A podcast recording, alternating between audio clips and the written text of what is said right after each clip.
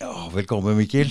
Tusen takk. Jeg har hatt eh, litt eh, Vi har holdt på lenge og prøvd å jobbe litt med å få deg hit. ja, Beklager at det har vært sånn hard, hard to get. Ja, det, men det er, sånn, det er sånn når du prøver deg på noen, så er det noen som er vanskelig å, å sjekke opp, holdt jeg på å si. ja, jeg er litt vrien der. Ja. Men I hvert fall velkommen. Takk skal du ha for at du ville komme. Jo. For en uh, historie.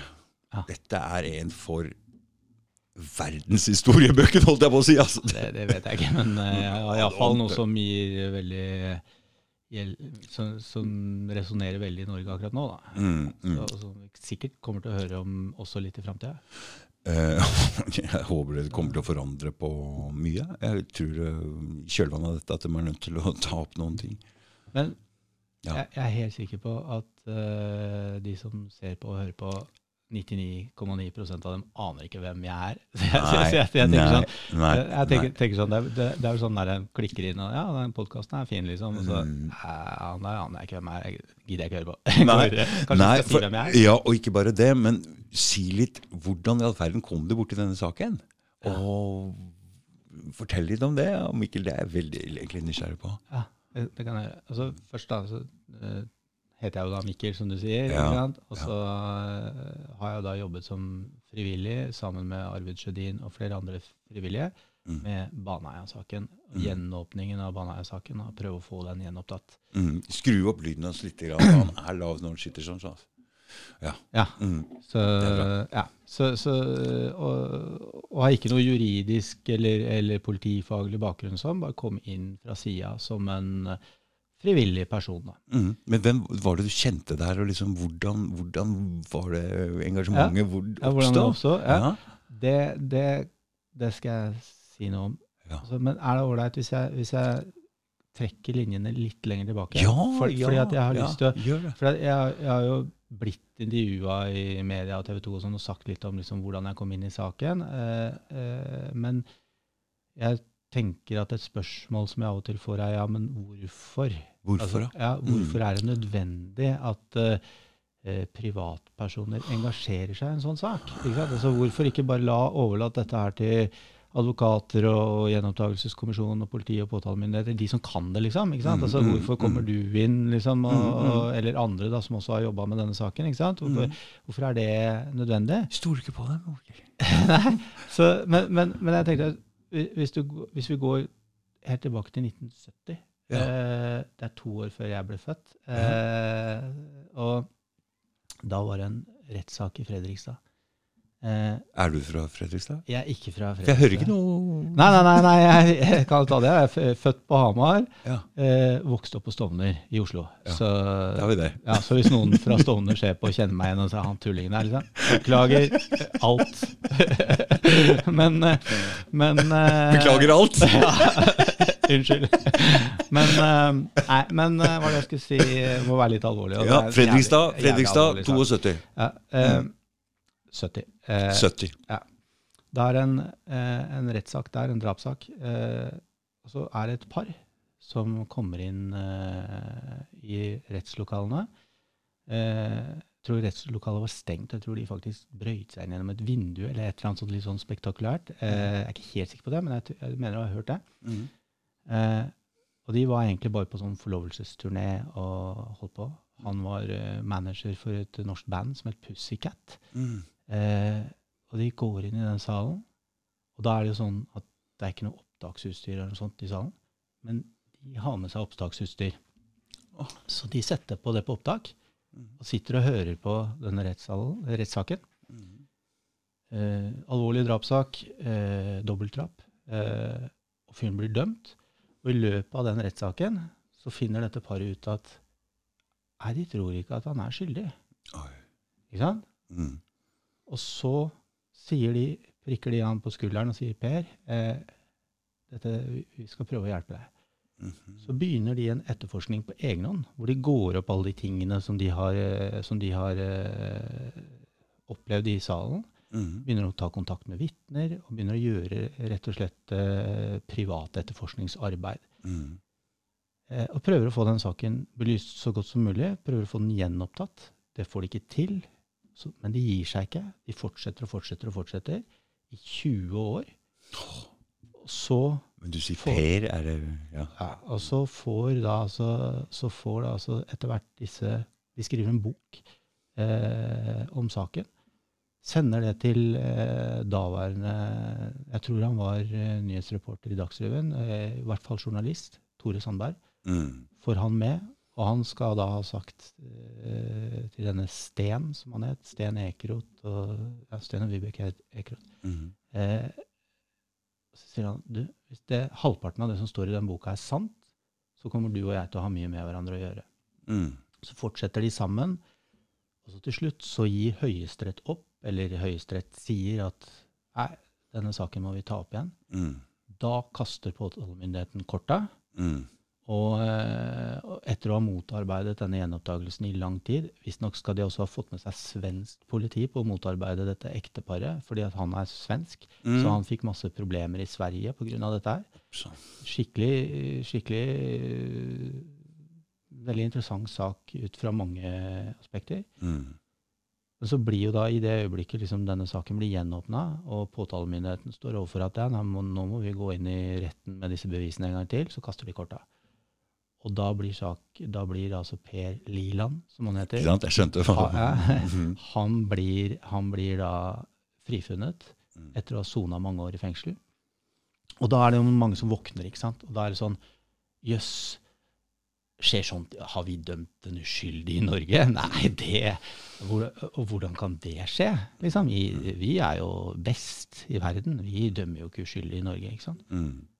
Da ble det satt ned granskningskommisjon for å se hva som hadde gått galt. Eh, og den granskningskommisjonen kom jo med flere, flere poenger. Da. Eh, blant annet så, så var det jo et problem at påtalemyndigheten hadde motarbeida gjenopptakelse av saken, istedenfor å prøve å belyse saken så godt som mulig. Mm. er påtalemyndighetens oppgave. Mm. De skal ikke motarbeide noe, de skal belyse. Mm. Det var et problem. Eh, Det var et problem med sakkyndige som eh, hadde sagt ting i retten og gitt rapporter som ikke holdt mål, og som etterpå da selvfølgelig hadde stått på det. Mm. Eh, og noen kanskje begynner å høre at her er det noe som lyder kjent, ikke sant, fra Mm. Baneheia-saken. Mm. Eh, og så var det jo et spørsmål hvorfor er det nødvendig at denne saken har blitt løst av frivillige som dette Ek- Ekroth-ekteparet og Tore Sandberg? Hvorfor er det, har det vært nødvendig? Hvorfor er det ikke de profesjonelle aktørene som har eh, løst denne saken? Mm. Og da uh, kommer det et nytt løp. Og da starter man et arbeid med en ny straffeprosesslov, hvor man skal se på hvordan skal vi gå fram videre. Uh, okay.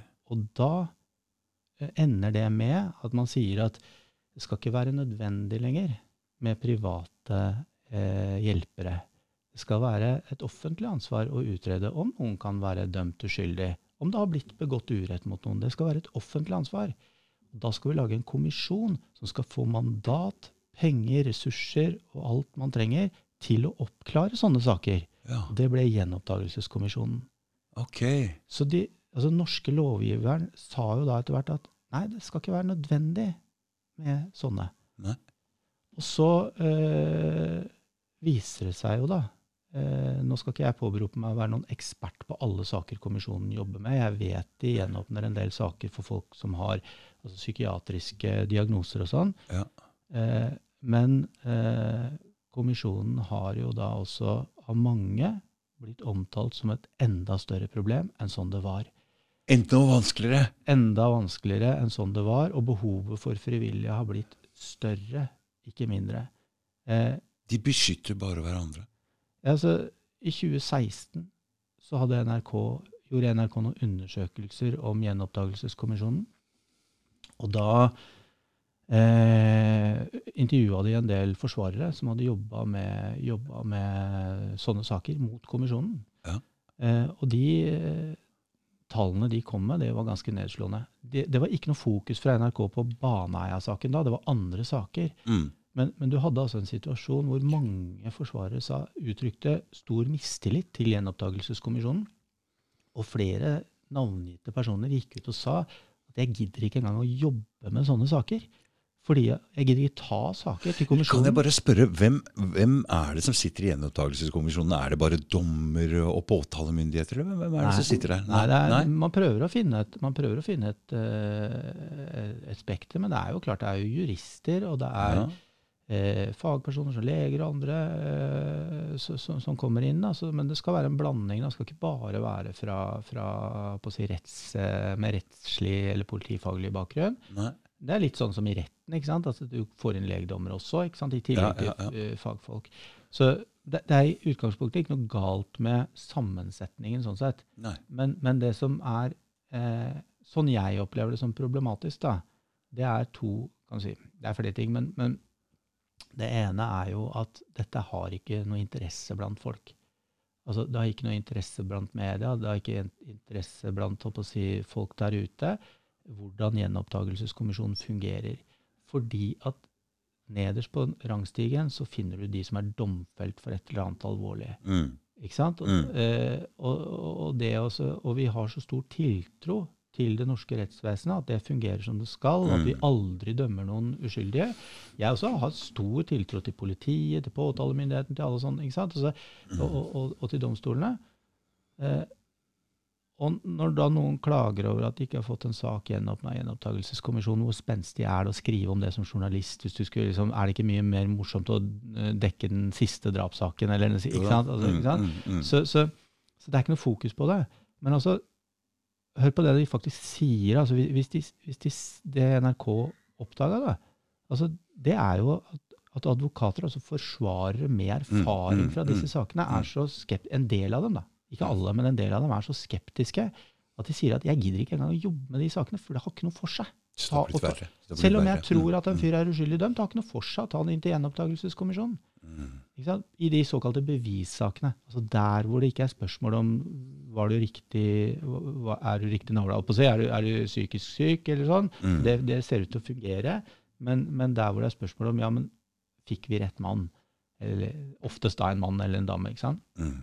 Da, da, I de sakene, bevissakene, altså har retten misforstått bevisene, tolket bevisene, har det kommet inn noen nye bevis? altså Der er det vanskelig, der er det veldig tungrodd. Jeg skjønner, Dette er et veldig viktig poeng, eh, Mikkel. Fordi jeg hadde jo Det du sier her, at de forandra på systemet etter Per Liland-saken. Det bør de absolutt gjøre igjen etter denne saken her. Absolutt. Dette er, en, dette er så grotesk, det som har skjedd her. At, eh, Så det er derfor du tar det opp, ikke sant? At det, Ja, ja, for, ikke sant? for, fordi, fordi at poenget er at jeg ønsker jo at de som ser på, og som fortsatt henger med, at de, at de skal forstå hvorfor det i det hele tatt er et behov. Da. Hvorfor det ikke Mm. bare er og, og, hvorfor det ikke bare er å overlate det til de profesjonelle partene. Mm. Eh, og da, eh, men, men altså bare tenk deg, tenk deg hvis du hadde flytta litt av fokuset altså sagt at de hadde gjort en tilsvarende undersøkelse om, om norsk rettsvesen. Mm. Så hadde du kommet ut at er ganske stor andel av forsvarere som jobber, i norsk retts, eller jobber um, med klienter i norsk rettsvesen, har mistillit til rettsvesenet. Gidder ikke engang å forsvare noen. For at det, det, det, det hadde blitt ramaskrik. ikke sant? Altså, både fra journalistenes side og fra lovgivers side. Det måtte blitt en, en endring hvis, hvis, eh, hvis et mediehus hadde avdekka noe sånt. Det gjorde NRK med eh, Gjenoppdagelseskommisjonen. Men ingenting skjedde, verken journalistisk eller Ingen fulgte opp heller? Nei. Nei. Altså, det ble noen oppfølgingssaker i NRK, da, Mm. men så bare døde det hen. Mm. Og, og, og, når man da går over til Baneheia-saken Dette var 2016, ikke sant? Mm. Siste begjæringen kom sommeren 2017. Det Mm. var ikke noe kritisk journalistikk på gjenopptakelseskommisjonen, bortsett fra at noen lurer på hvorfor i helvete tar det så Beklager. eh, Hvorfor tar det så lang tid? Ja. Eh, ja, det, det, det var det litt fokus på.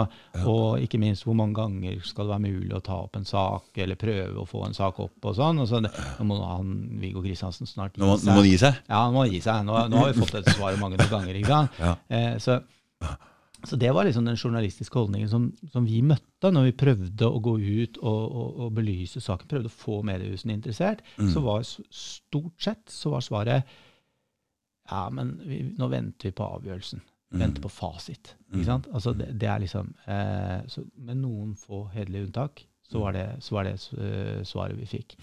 Eh, og så kan, kan jeg si hva jeg tenker da som er problemet, så sånn jeg har opplevd det i kommisjonen. Mm. For jeg har jo da holdt på som frivillig og jobbet med kommisjonen, eller opp mot kommisjonen og skrevet uh, en god del av liksom, sammen med andre har skrevet en del av det som ble sendt inn til, eh, til kommisjonen. Mhm. Eh, det jeg opplever som problematisk der, eh, det, er, det er flere ting. Altså for det første så gjorde man noen grep eh, som jeg tenker er sånn Ja, det er mye god tanke bak det, men resultatet ble feil. Det ene er at man lagde et sekretariat. altså Man oppretta dette her som et forvaltningsorgan, ikke som et rettsorgan. Mhm. Så man, og et forvaltningsorgan har gjerne et sekretariat, ikke sant? så du får inn masse saker. Mhm. Og de sekretariatet de har liksom erfaring, kompetanse, så jobber de med det, og så lager de en innstilling til de som skal ta, Riktig. ta beslutning i Mm, saken. mm, sant? mm. Sånn er dette organisert. Så egentlig sekretariatet som er Sekretariatet betyr utrolig Ikke mye. sant? Mm. For de skal liksom ta arbeidsmengden av og lu... Ikke sant? Og presentere det, fordi at Ja, medlemmene i mm, kommisjonen er ikke fast ansatte. De som, altså de som faktisk beslutter, da. Ja. De er ikke, de er ikke ansatte. De er, liksom, de er bare, de har dette som et engasjement, akkurat som du kan være Mm. si styremedlem i sportsklubben din, eller noe. Ikke sant? Og, så, Mm, og, så, mm. og så kommer Så du inn De har av og til tid til uh, ikke sant? å undersøke Så de må bare ta den vurderinga omtrent der, halvvurderinga, ja, eller er- Ja, ikke sant? Mm, mm. Eh, og, og da oppstår det en del problemer rundt det. Altså Sekretariatet er i tillegg gitt politimyndighet, eller i prinsippet politimyndighet. Eh, Hva betyr det? Hva altså det, det det, det, det, altså de har ikke politimyndighet på den måten at de kan komme ut her og arrestere deg. Eh, det er ikke Nei, sånn, men, men de, har, eh, de har fått en lovhjemmel til å etterforske saker. Ikke sant? Eh, og de kan også eh, be om å få assistanse fra politiet til å etterforske videre. hvis de selv- Hvordan kan de etterforske? Da, da sitter det politifolk der, da. Ja, de har jo f.eks. hyra inn noen gamle politifolk og litt sånn, ikke sant? Så Ja, for, for å mm. etterforske saker. Mm. Så de har, de har liksom formelle kompetansen som det heter. Altså, Hvor mye penger er det snakk om, og hvor mange folk er det snakk om uh, dette her? Jeg tør jeg ikke svare på det for andre sine om. Men, Ikke sant? nei, men, det, men, det, men det som skjer, ikke sant, er at det er de som bestemmer. da. Hva, Mm. hva skal jeg gjøre i denne saken her? Mm. Så det er samme person som bestemmer hva skal jeg gjøre av etterforskningsskritt i denne saken her, som skriver innstillingen til kommisjonens medlemmer. Mm. Eh, og det betyr at hvis, vi- hvis du sitter i fengsel, du blir dømt for noe du ikke har gjort, så får du en person som vil forsvare deg. Mhm. Og så kommer vedkommende til kommisjonens sekretariat, og så sier eh, vedkommende at ja, nei, men jeg, jeg tror vi bør sjekke de og de videobevisene, eller de og de fingeravtrykk, DNA, hva det skal være for noe. ikke sant? Mhm. Det er mye som tyder på her at vi har feil person Mm. så er det den som sitter i sekretariatet og som har saken, som bestemmer skal jeg gjøre det eller ikke. Mm. Og da kan du tenke deg, hvis vedkommende da f.eks. har sagt nei og s- Har sagt nei før? Ja, sagt, nei, men sagt nei da, til et etterforskningsskritt. Mm. Nei, jeg tror ikke det er nødvendig med ny DNA-analyse i denne saken. Jeg tror ikke det er nødvendig å sjekke de videoene. Jeg tror ikke det er nødvendig å gjøre de vitneavhørene, f.eks. Mm. Ålreit, så, så snur da en privat etterforsker eller en, en advokat seg rundt og gjør det sjøl. Du Mm. får noen til å gjøre det. Mm. Og kommer tilbake til sekretariatet. Det, det, det Da, da starter du på minus, ikke sant? for han som allerede har sagt at dette er ikke nødvendig, han skal jo da ta stilling til det beviset, og, og har det noen verdi? da? Og det er jobben hans, ikke sant? Ja, så skal snu seg rundt og, så, og, og, liksom, og, Mm, og mm. skrive om dette til kommisjonens Mm. Mm. Og det, og det som er spesielt her, det er jo at, det er jo at eh, se, se for deg, nå jeg prøver å tegne et bilde her, se for deg en rettssak, en vanlig, tradisjonell rettssak. Mm. Eh, du kommer inn med forsvarer, med, med påtalemyndighet, og så kanskje noen bistandsadvokater og sånne ting. Mm. Pro- alle partene prosederer saken, Mm. men det er ikke noen dommere der. Nei. Tenk deg den rettssaken. Det Mm. sitter en sekretær her. Sekretæren sitter og noterer. Ja. Så tar, den, Gjør en vurdering, sender det ja, videre. så tar sekretæren med seg alle notatene sine, går inn på bakrommet Ja. og presenterer saken for dommerne, for der sitter de, aner ikke noe om hva som er sagt. Helt prisgitt den sekretæren. Mm. Og forsvarerne, påtalemyndigheten, ingen aner hva den sekretær, eh, sekretæren sier for noe inne til dommerne. Mm. Ingen vet hva som blir sagt, ingen vet hva dommerne har fått vite, ingen vet hva dommerne har fått av bevis. Ingenting. Det er, det er sånn det fungerer i kommisjonen. Vi har Mm. skrevet masse greier til kommisjonen, sendt masse inn. Vi aner ikke hva de som beslutter, altså kommisjonens medlemmer Sitter med av Hva de har fått av det? Nei. Nei. Aner ikke noe om det.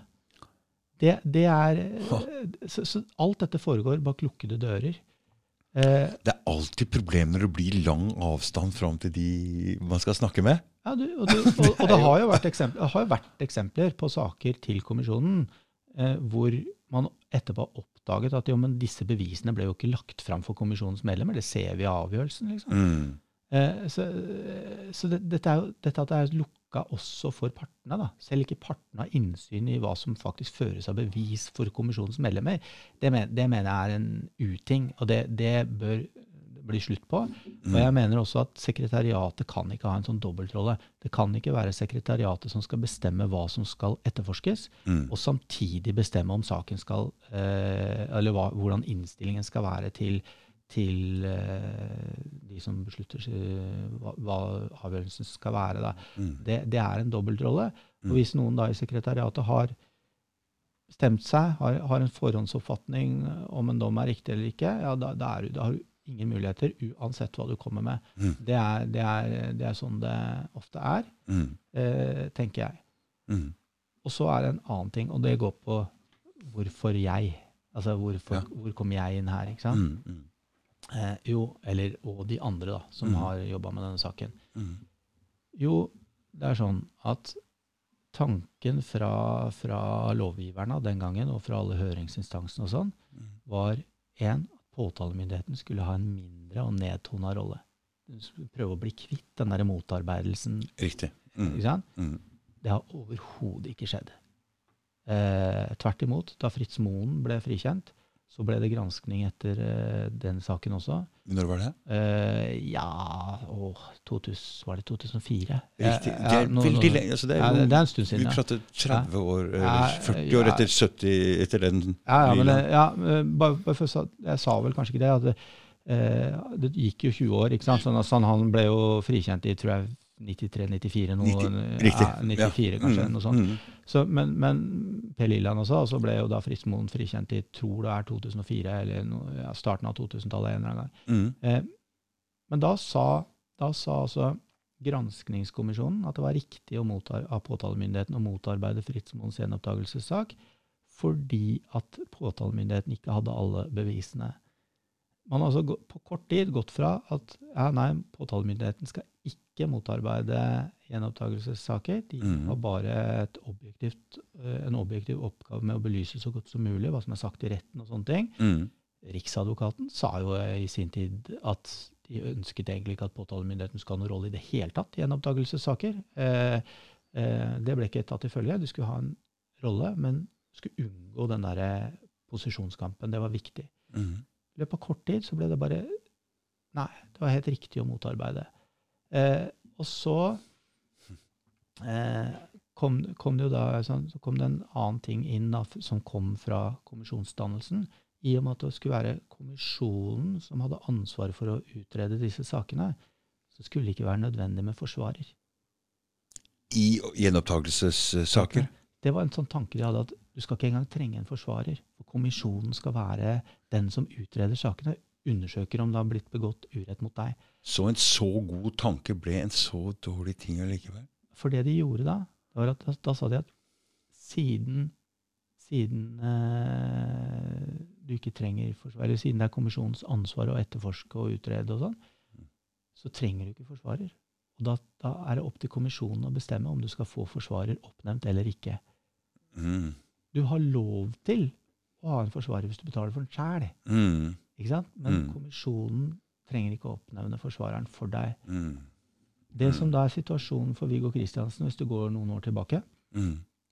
Viggo Kristiansen sitter i fengsel på Ila. Ta denne litt grann lenger fra. Litt der. Ja, ja. Er den bedre der? Ja, mye bedre. Ja, ok. Ja. Viggo Kristiansen sitter i fengsel på Ila. Mm. Han sitter på ganske strenge vilkår. altså Han sitter jo på D-avdelingen, da, som det heter, som, som med forvaringsdømte. ikke sant? Mm.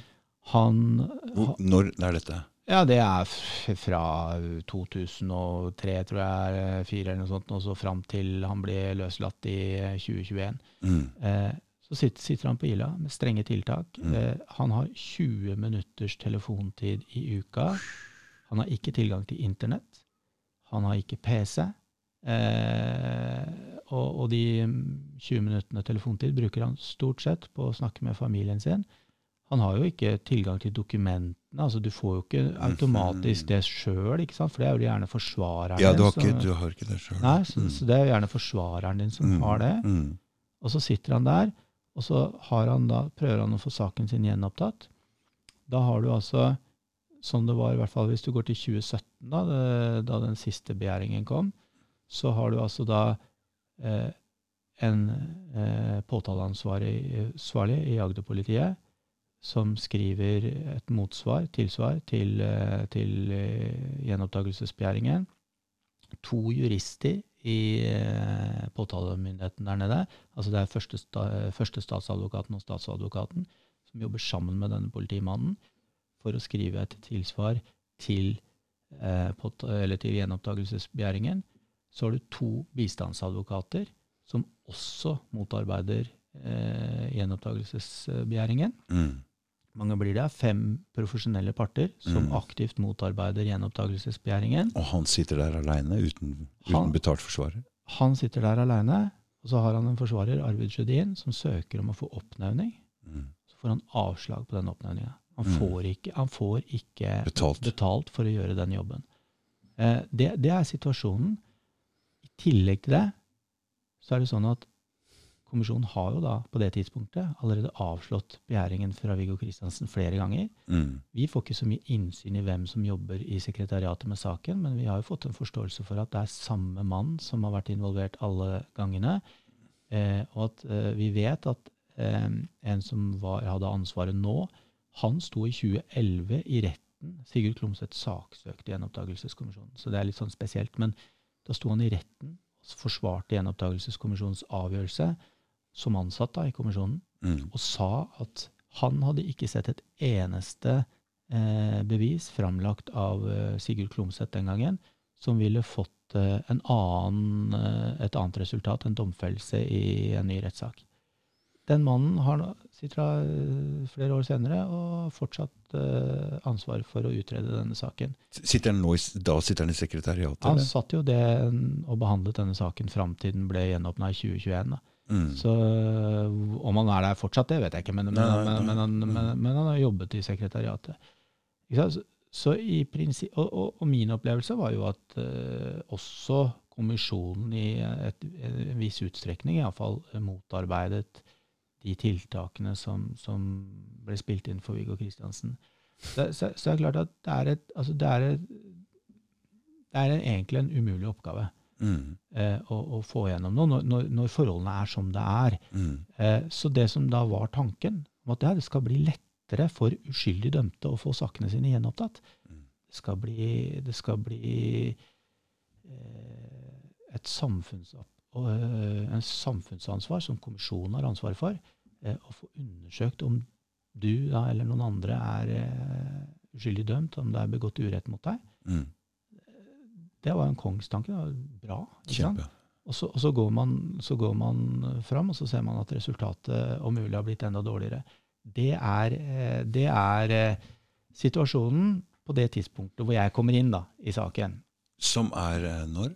Eh, Jeg kom inn i altså, dette, dette, sta, dette startet For min del da, så starta det jo med, og det må jeg jo bare si at jeg, jeg har ikke noe sånn jeg har, jeg har ikke noen sånn radar som sier at, som sier at denne saken var eh, feil fra starten av. Jeg ser det er stadig flere som mener at jeg alltid, alltid tenkte at Viggo Kristiansen er uskyldig. Eh, jeg har aldri vært der. Å, Eh, Men du var ikke så Hvor gammel var du når dette skjedde? 28 da det skjedde, Oh, ja. 30 Mm. år da han ble dømt. Mm. Jeg tenkte, jeg tenkte at eh, Men du veit, jeg, jeg, jeg som mm, har vært på andre sida av eh, Jeg kunne se det litt, at det der var noe som ikke stemte.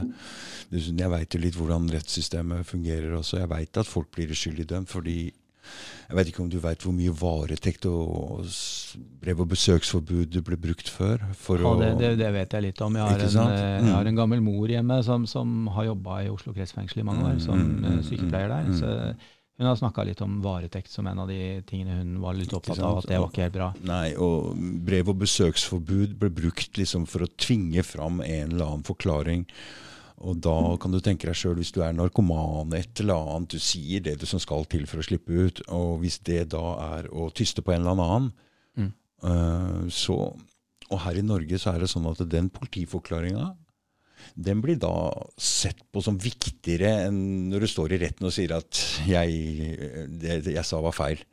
Så da kan de altså Altså, det skjer jo ikke i USA. Hvis du blir drept og ikke kommer og sier det samme i retten som det du sa i politiforklaringa di, så altså, gjelder ikke den.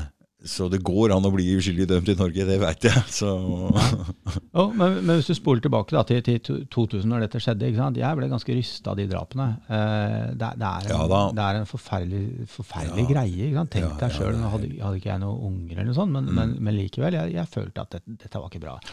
Og det, så jeg fulgte jo med på saken, og, og, og jeg må jo bare si det at jeg heia på politiet og påtalemyndigheten. Jeg hadde full tiltro til at de gjorde det beste. Eh, ingen konspirasjonstanker rundt det i det hele tatt. Eh, og, og jeg var sikker, var overbevist om at Viggo Kristiansen han var skyldig. Det eneste jeg husker liksom, jeg husker at det var noe som skurra. Mobiltelefongreiene husker du kanskje? det husker jeg. var det, var, det var noe som skurra, men det la jeg veldig fort i boksen. liksom. Ja. Eh, det, men, men det jeg husker at skurra, som jeg ikke syns var riktig, det var at Jan Helge Andersen fikk eh, strafferabatt. Fordi at jeg tenkte at disse har gjort dette sammen. Det var, sånn, det var der jeg var. Ja. Og, og, og jeg var heller ikke noe interessert i disse gjenopptakelsesbegjæringene når det kom i media. Jeg tenkte at nei, dette er ikke dette er ikke liksom Nei, disse to har gjort nei, de for får- det de er den får bare- verste- det er den ja, verste, synes, liksom. fall det, det er mange ille saker, egentlig, men, men, men, men ja, det var veldig ugreit og sånn. Mm. Så jeg, tenk, jeg tenker jo det at det, Nei, de får bare sitte der. Det har de godt av, liksom. Eh, tenkte jeg. Eh, og så modnes man jo, så blir jeg blir jo litt eldre og, og litt rundere i kanta etter hvert, jeg òg, ikke sant. Mm, Men mm. sånn i forhold til å tenke at ok, selv de verste forbryterne er også mennesker. ikke sant? Så, jeg, så, jeg begynte, så, så det skjer jo med mange av oss etter hvert som vi blir litt eldre. Men, Mm. men, eh, eh, eh, men som utgangspunkt så var jeg ikke noe, så var jeg ikke noe sånn der at eh, nei, dette, dette er noe gærent eller noe sånt. Ingenting sånt. Mm. Men jeg hadde, det var noe som skurra. Og det, og det var noe som jeg var liksom mer sånn interessert i. Altså sånn, eh, mer sånn Jeg vet ikke. altså Av og til så driver jeg med sånn kontrafaktisk tenking. Altså, al Ja. altså at jeg, sånn, ikke sant? jeg liker sånn eventyr. ikke sant? Altså, Ja. eh, og, og tenker ja, tenk om, tenk om, tenk om. ikke sant? Altså, Mm, mm. Og da har jeg tenkt Tenk om Elvis lever. altså så, okay, så jeg, jeg, jeg tror ikke noe på det, men, men, men, men altså, ja, på et eller annet tidspunkt altså, kanskje en eller annen fyr som Elvis kunne på en måte ha faka sin egen død. ikke sant? Altså, Ja, ja, ja. Eh, ikke sant? Altså, som, bare som en morsom tanke. ikke sant? Altså, Jeg liker de tankene sjøl. li, li, liker sånne tankeeksperimenter. Ja. Og så har jeg tenkt på liksom, ja, tenk å være uskyldig dømt. Og for en sånn sak. Og så har jeg tenkt så har jeg vet at på et eller annet tidspunkt så har jeg tenkt Tenk om Viggo Kristiansen er uskyldig dømt. Og så, og så er det sånn, nei, nei, nei. nei. Men, men, men, men tenk, tenk deg liksom den bare situasjonen. da, altså Du sitter du fengsla på 100% sikre DNA-bevis, som det ble sagt. Eh, eh, kompis, bestekompisene sier at du var der. Eh, og så Tenk om en, en eller annen sånn situasjon, da, og så, og så er det ikke sant. Ikke sant? Og du, vet, du er den eneste i hele verden som vet at dette ikke er sant, men du sitter i fengsel. Så, så jeg vet, vet jeg har lekt med den tanken, men, men jeg har ikke aldri tenkt det seriøst. Og så plutselig en dag så sier samboeren min at du, eh, nå, nå er det en eh, forfatter her som mener at Viggo Kristiansen er, eh, er uskyldig. Mm. Og, og, da, og da blir jeg først så blir jeg, tror jeg blir sånn der Ok, så seriøst, liksom. Eh, Er det, men, mener ikke det, liksom. Jo, ja. Og så leste jeg opp Hun satt i sofaen og leste opp artikkelen for meg. Mm. Så ble jeg litt sånn der hva faen, jeg, det er såpass interessant, da. Eh, Hva er han tullingen mener å vite, liksom. Men, men jeg visste at Bjørn Olav Jahr var en anerkjent fyr. Mm. Eh, så da tenkte jeg fader, altså. Jeg, jeg må lese hva han har å si. Mm. Eh, og så bestilte jeg den boka til jul. det var sånn, eh, altså Den vi har i julegave, liksom. Mm. Og dette, da er vi i desember 2017. Mm. Og så leste jeg den, og da følte jeg bare at Fy faen. Liksom. Unnskyld igjen. Eh, nei, men, men da, Det er, det akkurat der er Da- det lov da- å gi lite banneord. Ja, men altså, da, og, og, og det jeg tenkte at jeg, jeg tenkte ikke at han har sannheten, og nå så jeg lyset. Det var ikke noe sånt. Men, men jeg tenkte at det han beskriver i denne boka altså Hvis, hvis dette her er Hvis dette her er eh, eh, altså, ha, Litt sånn samme som Tore Sandberg sa til Jan Ekeroth. Altså, hvis bare halvparten av dette er sant, Mm. så er jo dette en skandale. Enten Viggo Kristiansen er skyldig eller uskyldig. For det er gjort så mye greier her som ikke er bra. Mm. Og, og Vi kan ikke ha det sånn i politietterforskning og i, i rettsvesenet. Sånn her kan vi faktisk ikke ha Det det. ødelegger, det ødelegger helt tilliten til alt. Ikke sant? Og da, og da tenkte jeg dette må jo belyses. tenkte jeg. Og så, og så begynte jeg egentlig litt sånn uskyldig. altså Det, det blei en sånn greie liksom, altså bare, som gikk og kverna litt. Og så hadde jeg en sånn Jeg liker å skrive og jeg liker å lese, så jeg hadde en sånn bokblogg som jeg hadde holdt på med for lenge siden, og så drev, hvor jeg hadde skrevet litt bokomtaler bare for å egentlig, bare for å øve litt på å skrive og sånn. Mm. Strukturere tanker rundt uh, lesing og sånn. Uh, det er ikke så mange bokomtaler på den bloggen, men, men, men uh, det er noen. Og så tenkte jeg jeg må, jeg må prøve å skrive en omtale om denne boka, for jeg syns det er viktig at folk leser dette her og, og gjør seg opp sin egen mening. på en måte. Mm. Så begynte jeg, og så blei det så mye. Så blei det sånn 50 sider uh, i Word. altså det, det, det, det, går jo ikke, kan, det går jo ikke an, liksom. Så uh, måtte starte på nytt. da. Mm. Så tenkte jeg ok, jeg får prøve meg med mobilbevis og fokusere på det. Mm. Og da øh, ble det litt sånn at det balla på seg, og så ble det litt sånn ja, Åssen skal jeg få forklart dette her på en måte som liksom er forståelig? Jeg må bruke noen bilder, og så tok jeg ut noen kartutsnitt og sånn. og så... Da er du nesten inne og etterforsker Så begynner det å balle på seg, ikke sant? Og så, og så ble det, og så ble det, og så ble det eh, video. Så begynte jeg liksom å lage video rundt det. Eh, og så begynte jeg jo samtidig å få en del spørsmål, for det var mye i boka som jeg ikke fant svar på. Det var mye jeg ikke fant svar på når jeg googla medieoppslag og sånn. Mm. Og så tok jeg da etter hvert kontakt med folk. Jeg tok kontakt med Bjørn Amundsen, som er eh, dekningsdirektør i Telenor. Mm. Han var litt på glid, faktisk. Han har aldri uttalt seg sånn, så han var litt på glid. Altså. ah, mye informasjon og sånn. Men så, så jeg har prøvd å få, tak, få han til å si noe, men han, til slutt så ville han ikke likevel. Men, men Eller, ja. Han ble i hvert fall litt borte. Eh, men eh, jeg fikk tak i Så jeg sendte en henvendelse til Bjørn Olav Jahr. Mm. Det var litt sånn skudd i mørket. Jeg, jeg tenkte liksom ja, faen, han får sikkert masse rart, ikke sant. Så, Mm. Mm. Eh, men jeg spurte sånn konkret da, om veistrekninger i Baneheia, Ja, den stien der og den stien der, og hva med den, og sånn. ikke Men sant? når han så at noen var så involvert, så, Så, ble han vel ja. interessert. Han. Men han var superhyggelig. Ikke sant? Ikke sant? Så han Kjempehyggelig fyr. Eh, Mm. svarte så godt han kunne. Så til slutt så ga han opp å svare, for det ble så mye spørsmål fra meg. så, så, så, så sendte han meg videre til eh, eh, fetteren til Viggo Kristiansen, som er sånn interessert i saken, og Mm. som er kjent i Baneheia. Og han gikk opp en del strekninger for meg, og en del sånt Mhm. nå i, i Baneheia. Jeg kunne jo egentlig Samboeren min sa at nå Nå drar du kan du like gjerne dra ned sjøl og gjøre det. Ja. Eh, så, men, men han gjorde det, og eh, så etter hvert da så satte Bjørn Olav meg i kontakt med en som heter Halvard Sivertsen, eh, som da jobba med denne saken. Han er eh, tidligere, eller han er, eh, eller var overingeniør i et Telenor-selskap som heter Nord Mm, mm. Norkring. Mm. Og han sa at han, etter liksom at han var blitt pensjonist, han hadde alltid lurt litt på den saken. For dette var jo liksom innafor hans gate, liksom. Ok, Mm. han jobba ikke med mobiltelefoni, men han jobba med sånn radiokommunikasjon ikke sant, i dette Nordkrig. Så han visste mye om dekning, altså dekningsproblematikk. Det var hans greie, liksom. Så dette interesserte han. Så da han ble pensjonist, så fikk han tid. Så, så begynte han å undersøke.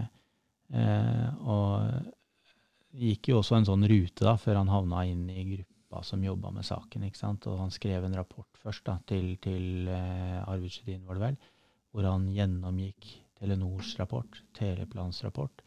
Og Teleplan var da et sånt alternativt Altså, Telenor Eide den? ja, altså, Eh, Telenor eide og drifta nettet, og de, Mm. de vitna retten, men politiet likte ikke det vitnemålet, for de sa jo egentlig ganske klart fra at eh, det går ikke. ja, det, det er ikke sannsynlig, sier de, Mm, mm, at, mm, at mm. eh, Viggo Kristiansen skal ha vært på åstedet når han Nei, brukte det var det jeg husker fra saken best.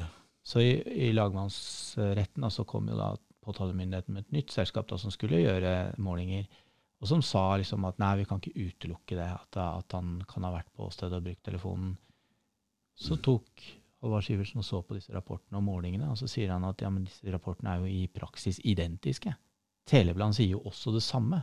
De sier jo at det er ikke sannsynlig. Det er bare at det er ikke sannsynlig ble fasa ut. Og så var det, Men vi kan ikke utelukke det. Det, det var liksom Det er det samme. ja, ja, ikke sant? Men problemet er jo at alle forskere, alle fagpersoner, sier at vi kan ikke utelukke noen ting, ikke sant, egentlig. Mm, mm. Altså, eh, ja, det var, var det snøvær den dagen? Eh, nei, Meteorologisk institutt sier at det var sol. Ja, men Kan det ha vært snø på Majorstua selv om det ikke var det oppe på målestasjonen? Ja, du kan ikke utelukke det, men det er ikke sannsynlig. ikke sant? Altså, Mm, ikke sant? mm, Det, er, det, er, det er sånn de Mm. sier om alle ting. ikke sant? Så, så det kan ikke utelukke har jo blitt liksom et tema som mange har tatt tak i da, og sagt at ja, det, det, er, det er litt skummelt. liksom. Mm. I hvert fall når du lar være å si og legge vekt på det mest sannsynlige. Mm. Du tar det minst sannsynlige, altså den teoretiske og oppkonstruerte tvilen, Mm. blir brukt mot den tiltalt. Det, Mm. det er jo, Retten skal jo ikke egentlig legge, grunn, legge til grunn teoretisk og oppkonstruert tvil. Mm. ikke sant? Enten Mm. det går for eller imot den tiltalt. Men det gjorde de her. da. Så han pekte på det, og så, og så eh, la han fram dette for Arvid Sjødin, og så bruk, bruker jo da ja, Litt usikker på om det var Sjødin eller Klomsæt, for det, det var sånt advokatbytte der på et eller annet tidspunkt. Men, men Mm. iallfall så uh, bruker Sjødin dette da, inn mot kommisjonen. Og så blir jo da Sivertsen såpass, uh, såpass engasjert i det han finner, at han begynner å engasjere seg mer og begynner å se på andre sider av saken også. Han, det var et langt sidespor, han ble satt i kontakt med av Bjørn Olav Jahr, og, og Sivertsen syns det er fint å, å prate, så han, eh, han og jeg diskuterte mye på e-post. da. Mm. Og, og etter hvert så fikk jeg jo også kontakt med andre, og, og, og satt med et ganske godt bakteppe for hva denne saken dreide seg om. Mm. Eh, og så jobber jeg Da heter Egmont Publishing, nå heter Storyhouse Egmont, som er jo et av Norges største media, mediehus. Oh, ja. Som Mm. gir ut ukeblader da, i hovedsak. Altså Ja, ja, ja. Vi Menn, Hjem, Norske Ukeblad, Mm, mm. Her og Nå osv. Så. Mm. Uh, så jeg kjenner jo noen i redaksjoner og litt sånn. Så Mm. spurte jeg liksom Ønsker Vi Menn-redaksjonen å se på dette? De driver jo med litt krim. av Ja, ja, de, de, de, Ja, ja. de ville ta den sikkert. Hæ? De var litt interessert, da. Så det, Mm, ja, ja, mm. Baneheia-saken, ja, ok, du holdt på litt å undersøke den. Liksom. Ja, hva har du funnet ut av? Mm. Så la jeg fram det jeg hadde funnet ut, da. Mm. Eh, men det var jo A, at det var ting i Jan Helges forklaring som åpenbart ikke stemmer, og som aldri ble lagt fram for retten. B, at mobilbeviset er mye sterkere enn det det ble lagt fram i retten. Mm. Mm. Og C, at DNA-beviset er fryktelig svakt, og de fleste, eller i hvert fall to, eh, veldig anerkjente DNA-eksperter sier at dette ville vi aldri lagt fram i retten. Vil ikke brukt det engang. Nei, ikke sant? Mm. Skrev jo det til uh, Vimen-redaksjonen. Og dette er jo eh, 2018. Eh, det var ikke noe stemning for å skrive om noe som, eh, noe som eh, kunne tale for at Viggo Kristiansen kunne være uskyldig. Altså, for jeg, jeg sa ikke at Viggo Kristiansen var uskyldig. Jeg sier det fortsatt ikke i dag. Jeg har ikke vært på dette avstedet når disse drapene skjedde. Jeg vet ikke hva som skjedde. Mm. Mm. Jeg bare forholder meg til bevisene som jeg har sett, Mm. eh, som taler i en annen retning. Mm. Men, men, men, men, men Og det er ikke viktig for meg heller å si at han er skyldig med 100% sikkerhet, nei, uskyldig med 100 sikkerhet. Det, det, det, for meg så var det bare viktig å få belyst saken. Mm. For jeg mener det er viktig. Jeg mener det er viktig at hvis det er sånn at det kan kanskje sitte en fyr uskyldig dømt i en så alvorlig sak, og han risikerte å sitte livet ut, Ja. så må vi se på det en gang til. Vi må se Mm. på de nye tingene som har kommet fra. Mm. Det må vi, det må vi tåle, rett og Mm. slett. Selv om det er jævlig ubehagelig. Vi må tåle det. Må, så, samfunnet, kan, vi kan ikke ha det sånn. Men, men eh, han eh, Sånn som han ble jo dømt til sikring, ikke sant?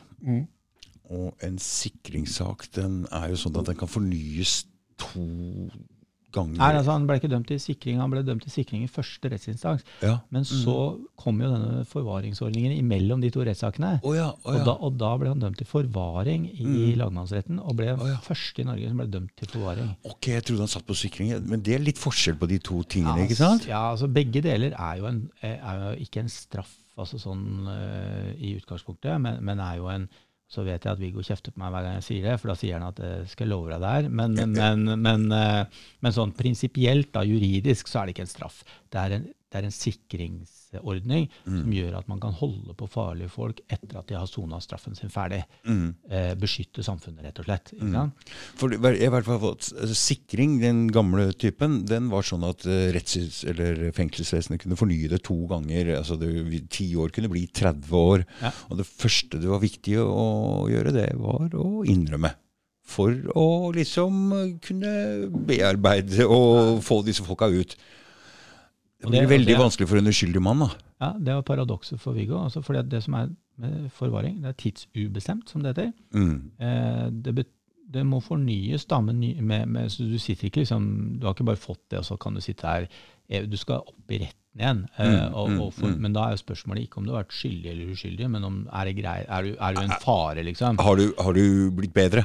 Ja, ikke sant? Og det ville jo Viggo Kristiansen aldri blitt, fordi at han ikke innrømmet eh, skyld. Og det, og det står jo i en del av disse rapportene om han, at Mm. de anser det som, altså psykiaterne og sånn, anser det som et s- problem at han ikke innrømmer skyld. Ikke sant? Det er det største problemet med han, er at han ikke tar inn over seg den kriminaliteten han har Mm. begått. Ikke sant? jeg veit sånn. så- Jeg så- vet det er sånn. Mm. Så, så, så, så det er greia. Så det er umulig nesten for en uskyldig mann da å komme ut fra den uh, type eh, fengselsdom, da, eller hva skal Ja, altså det, det, er i hvert fall, det er i hvert fall en sånn catch 22-situasjon. Mm. Ikke sant? Altså, altså, vi vet jo at folk har blitt pressa til å tilstå ting de ikke har begått. Eh, I avhørssituasjon. Altså her Ja, ja. du, Mm. risikerer å sitte her i hele livet i dette fengselet. Mm. Klart at det er ganske sterkt pressmiddel for å tilstå noe du ikke har gjort, da, bare Mm. for å ha en mulighet til å komme ut en gang. Mm. Mm. Så, så det, det er en risiko ved, ved forvaringsinstituttet. Mm. Og, og den måten man tenker eh, rehabilitering, da, som jo er helt riktig hvis du er Ja skyldig. Hvis det er skyldig. Ja, Mm. Men det er et problem hvis du ikke er det. ikke sant? Stort. Derfor så trenger vi en kommisjon, eller, eh, eller vi trenger et system som klarer å avsløre og avdekke og hjelpe hvis du faktisk ikke har gjort det du er dømt for. Mm. Sant? For det har sittet i en veldig spesiell situasjon, og jeg mener etter så lang tid så uh, har du jo ikke vanligvis 20 minutter altså da vanligvis på en vanlig dom. da. Så sitter du jo, da har du jo liksom en slags progresjon, og etter hvert så blir du for mye fri. Etter en tredjedel så har du masse permisjoner og kan fikse opp og ordne opp i ting sjøl. Men når du sitter sånn der oppe, med 20 minutter til telefontid og ikke PC eller noen ting, Mm. Det tok 14 da år før han fikk sin første Ja, permisjon. 14 år. mm, Det er lenger enn de fleste drapsmenns soner. ja, mm, 14 år tok det. Da, da hadde han altså fem timer sammen med familien sin på Sandvika, som er rett ved fengselet. Det var første permisjonen hans etter, etter 14 år. Det ble en mediasak, da. Er, er det ikke for tidlig at Viggo Kristiansen skal få altså, permisjon? Mikkel, Mikkel den, denne, denne saken her, hvis han er uskyldig Mm. Altså, jeg øh, ble jo Jeg ble putta inn i fengsel da jeg var ung, OK? Og mm, det er veldig sårbar i den perioden hvor du sitter Jeg hadde aldri sittet inne, det var en litt alvorlig sak, og jeg satt i, på glattcelle og visste ikke helt Det er en veldig sårbar situasjon akkurat de to-tre første døgnene.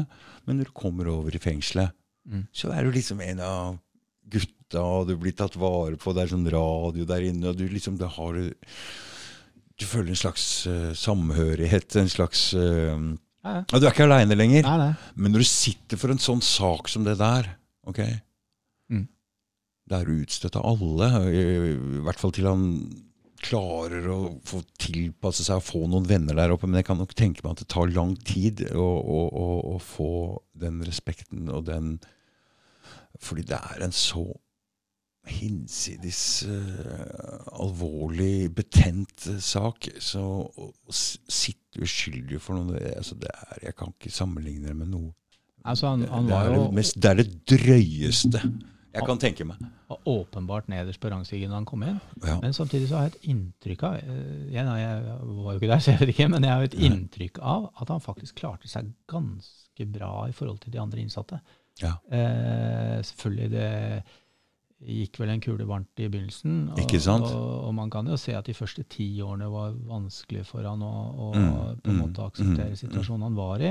Eh, det ser man jo på disse rapportene fra betjentene og sånn, ikke sant? at han fikk jo en del merke, merknader, som det heter, da, sånn på, på ting ikke sant, i fengselet. Mm. Men, men eh, har et inntrykk da, av, av at han har klart seg ganske godt, og at han har vært flink til å få noen kamerater og Det er venner. viktig. Det er, det er viktig, ikke sant? jeg. mm. Tror- Noen som tror på deg.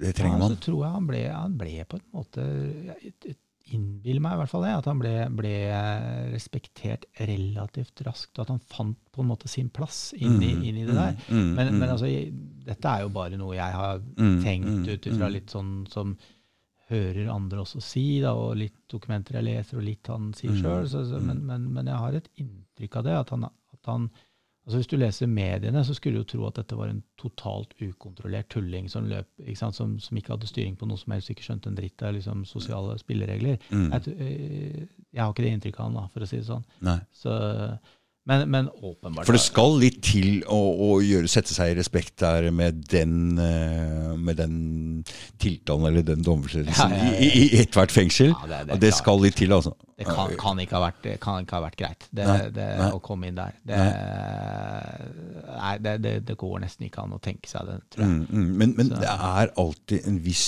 Hvis han står på uskylden sin og viser uh, hvem han er, så kan Jeg skjønner hva du mener, at man kan uh, faktisk få uh, respekt, eller folk som tror på deg der inne. Og det å ha folk som tror på seg i en sånn sak, det tror jeg har alt å si for, for tilværelsen. Uh, Og så vidt jeg har forstått, så har familien hele tida backa han, ikke sant? Ja, det har de gjort. Så- Det er viktig. Ja, så Det er viktig. Eh, ja, fa faren hans har vært en eh, bauta, altså, og Mm. moren òg, for den saks skyld. Mm. Altså, de, de har jo Mm. kjørt til, de har kjørt til Ila. Altså, de bodde jo i Kristiansand, ikke sant? så Mm. Ila ligger jo Mm. eh, ja, så blir det grensa, grensa Oslo og Akershus, ikke sant? Mm. Altså, den gangen. Altså, Mm. Eh, nei, og og de, de har kjørt tur-retur hver, hver tredje uke i 20 år, ikke sant? Altså, eller 21 år, faktisk. Fy faen, Det er, dette skal eh, bli så bra når han blir frikjent nå, og de får redskap i dette her. Dette skal bli en sånn seier. Det kan jo hende han allerede er at, at vi har fått, eh, at vi har fått eh, avgjørelsen eh, når, når dette går på lufta. Det vet vi jo ikke.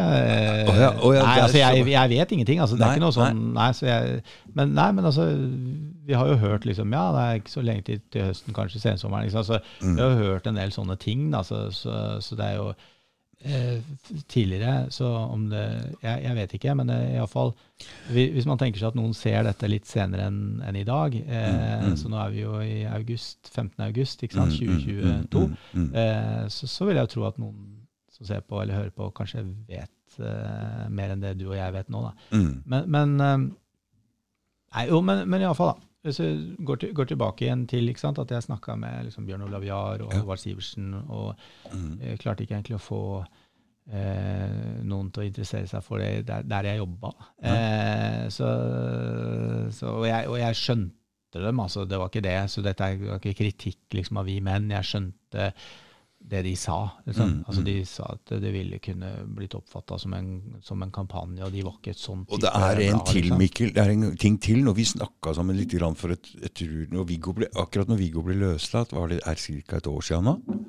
Eh, ja, han ble løslatt var det 1. juni eh, Ja, det var noe sånt nå. Og ja. da var stemninga, hva skal jeg si, på nettet, på Facebook Ja. 50-50. ja, det kan det kanskje være. 50-50. Ja. Og det tror jeg er sånn i av de som var opptatt av dette her. Den er ikke sånn nå, altså. Nå er det mer enn 85-90 Så tror jeg som er for Viggo. Så, Så tror jeg du skal være veldig forsiktig med å Jeg tror du skal være veldig forsiktig med å legge til grunn de postene som du ser. Fordi at eh, det, det er en sånn menneskelig mekanisme om å slutte å si det du mener hvis du får for stor motstand. Sånn når, Ja da. Sant? Så, så mm. det også er en del men, av det. altså. ja, men dette er, jo, dette er jo det som snur bildet til folk. For de bare skjønner at de må backe ut. For det er ikke lett å stå alene i et kommentarfelt. Så jeg veit hvordan dette snur. Vi har jo sett Mm. covid, jeg har jo sett Russland-kampanjer og alt mulig her snu litt grann på, på flisa. Så, men, men media også har en stor rolle, og det har, hele bildet har snudd. Mm. Det har snudd veldig. Så, og media har alt å si, egentlig. Det er de Ja, som styrer dette. Og det, og, det er litt sånn Det er det jeg prøver å si litt sånn innledningsvis også, øh, at, at ting henger veldig sammen. Mm. Eh, men etter, etter hvert så kommer jeg sånn inn i denne gruppa, da. Fordi at jeg, jeg bestemte meg på et tidspunkt, altså når jeg liksom følte at ålreit eh, dette, dette er liksom, Jeg får ikke helt til å skrive den bloggen. Liksom. Det blir for mye og, og for komplisert. Eh, jeg eh, jeg eh, eh, får ikke napp hos, eh, jeg får ikke napp hos vi menn, da, som jeg hadde håpa på. ikke sant? Mm, Eh, så da tenkte jeg men jeg veit så mye om denne saken. da. Jeg kan så mye om den. Jeg hadde jo Mm. til og med fått en del dokumenter av ulike personer. ikke sant? Mm. Eh, for å liksom få dokumentert at det, en del av det som sto i boka til Bjørn Olav Jahr, var sant, for eksempel, Mm. Eh, det er jo en del ting han skriver som bare sånn Dette må jeg se sjøl før jeg tror på det. ikke sant? Ja. Eh, så, så jeg hadde fått noen dokumenter fra ulike personer.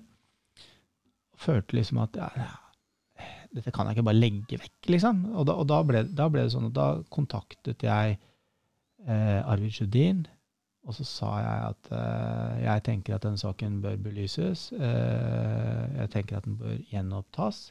Som er noe annet enn at han skal frifinnes. ikke sant? Det er fordi at jeg mener at Ja her, her skurrer det så mye at eh, dette, må, dette må belyses på nytt i retten. Mm. Jeg tenkte jo sånn Men det, hvor mange, det, var det tredje gangen nå?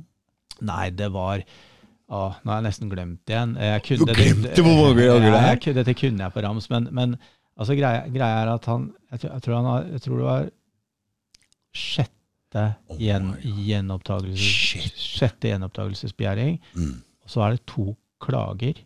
Sånn at noen sier da at det var liksom sjuende gang, eller om det var femte eller sjuende gang, eller noe sånt. Jeg tror, lurer på om det var syvende gang, hvis du tar med klagene. Så, sånn, fordi det er to som liksom ikke er, er eh, behandla som eh, Altså som bare er behandla som en Men han var villig den til å sitte der, ikke sant? Han skulle ikke ut. Sa det. Han sa, han, det han sa, da. Mm. Altså, han ønsket seg ut, men det han sa, som han var 100% tydelig på, det er at jeg vil ikke eh, innrømme noe jeg ikke har gjort. Selvfølgelig Det kan jeg ikke gjøre. Mm. Selv om de sier at det er det som skal til for at jeg skal ut, så vil jeg ikke gjøre det. Mm.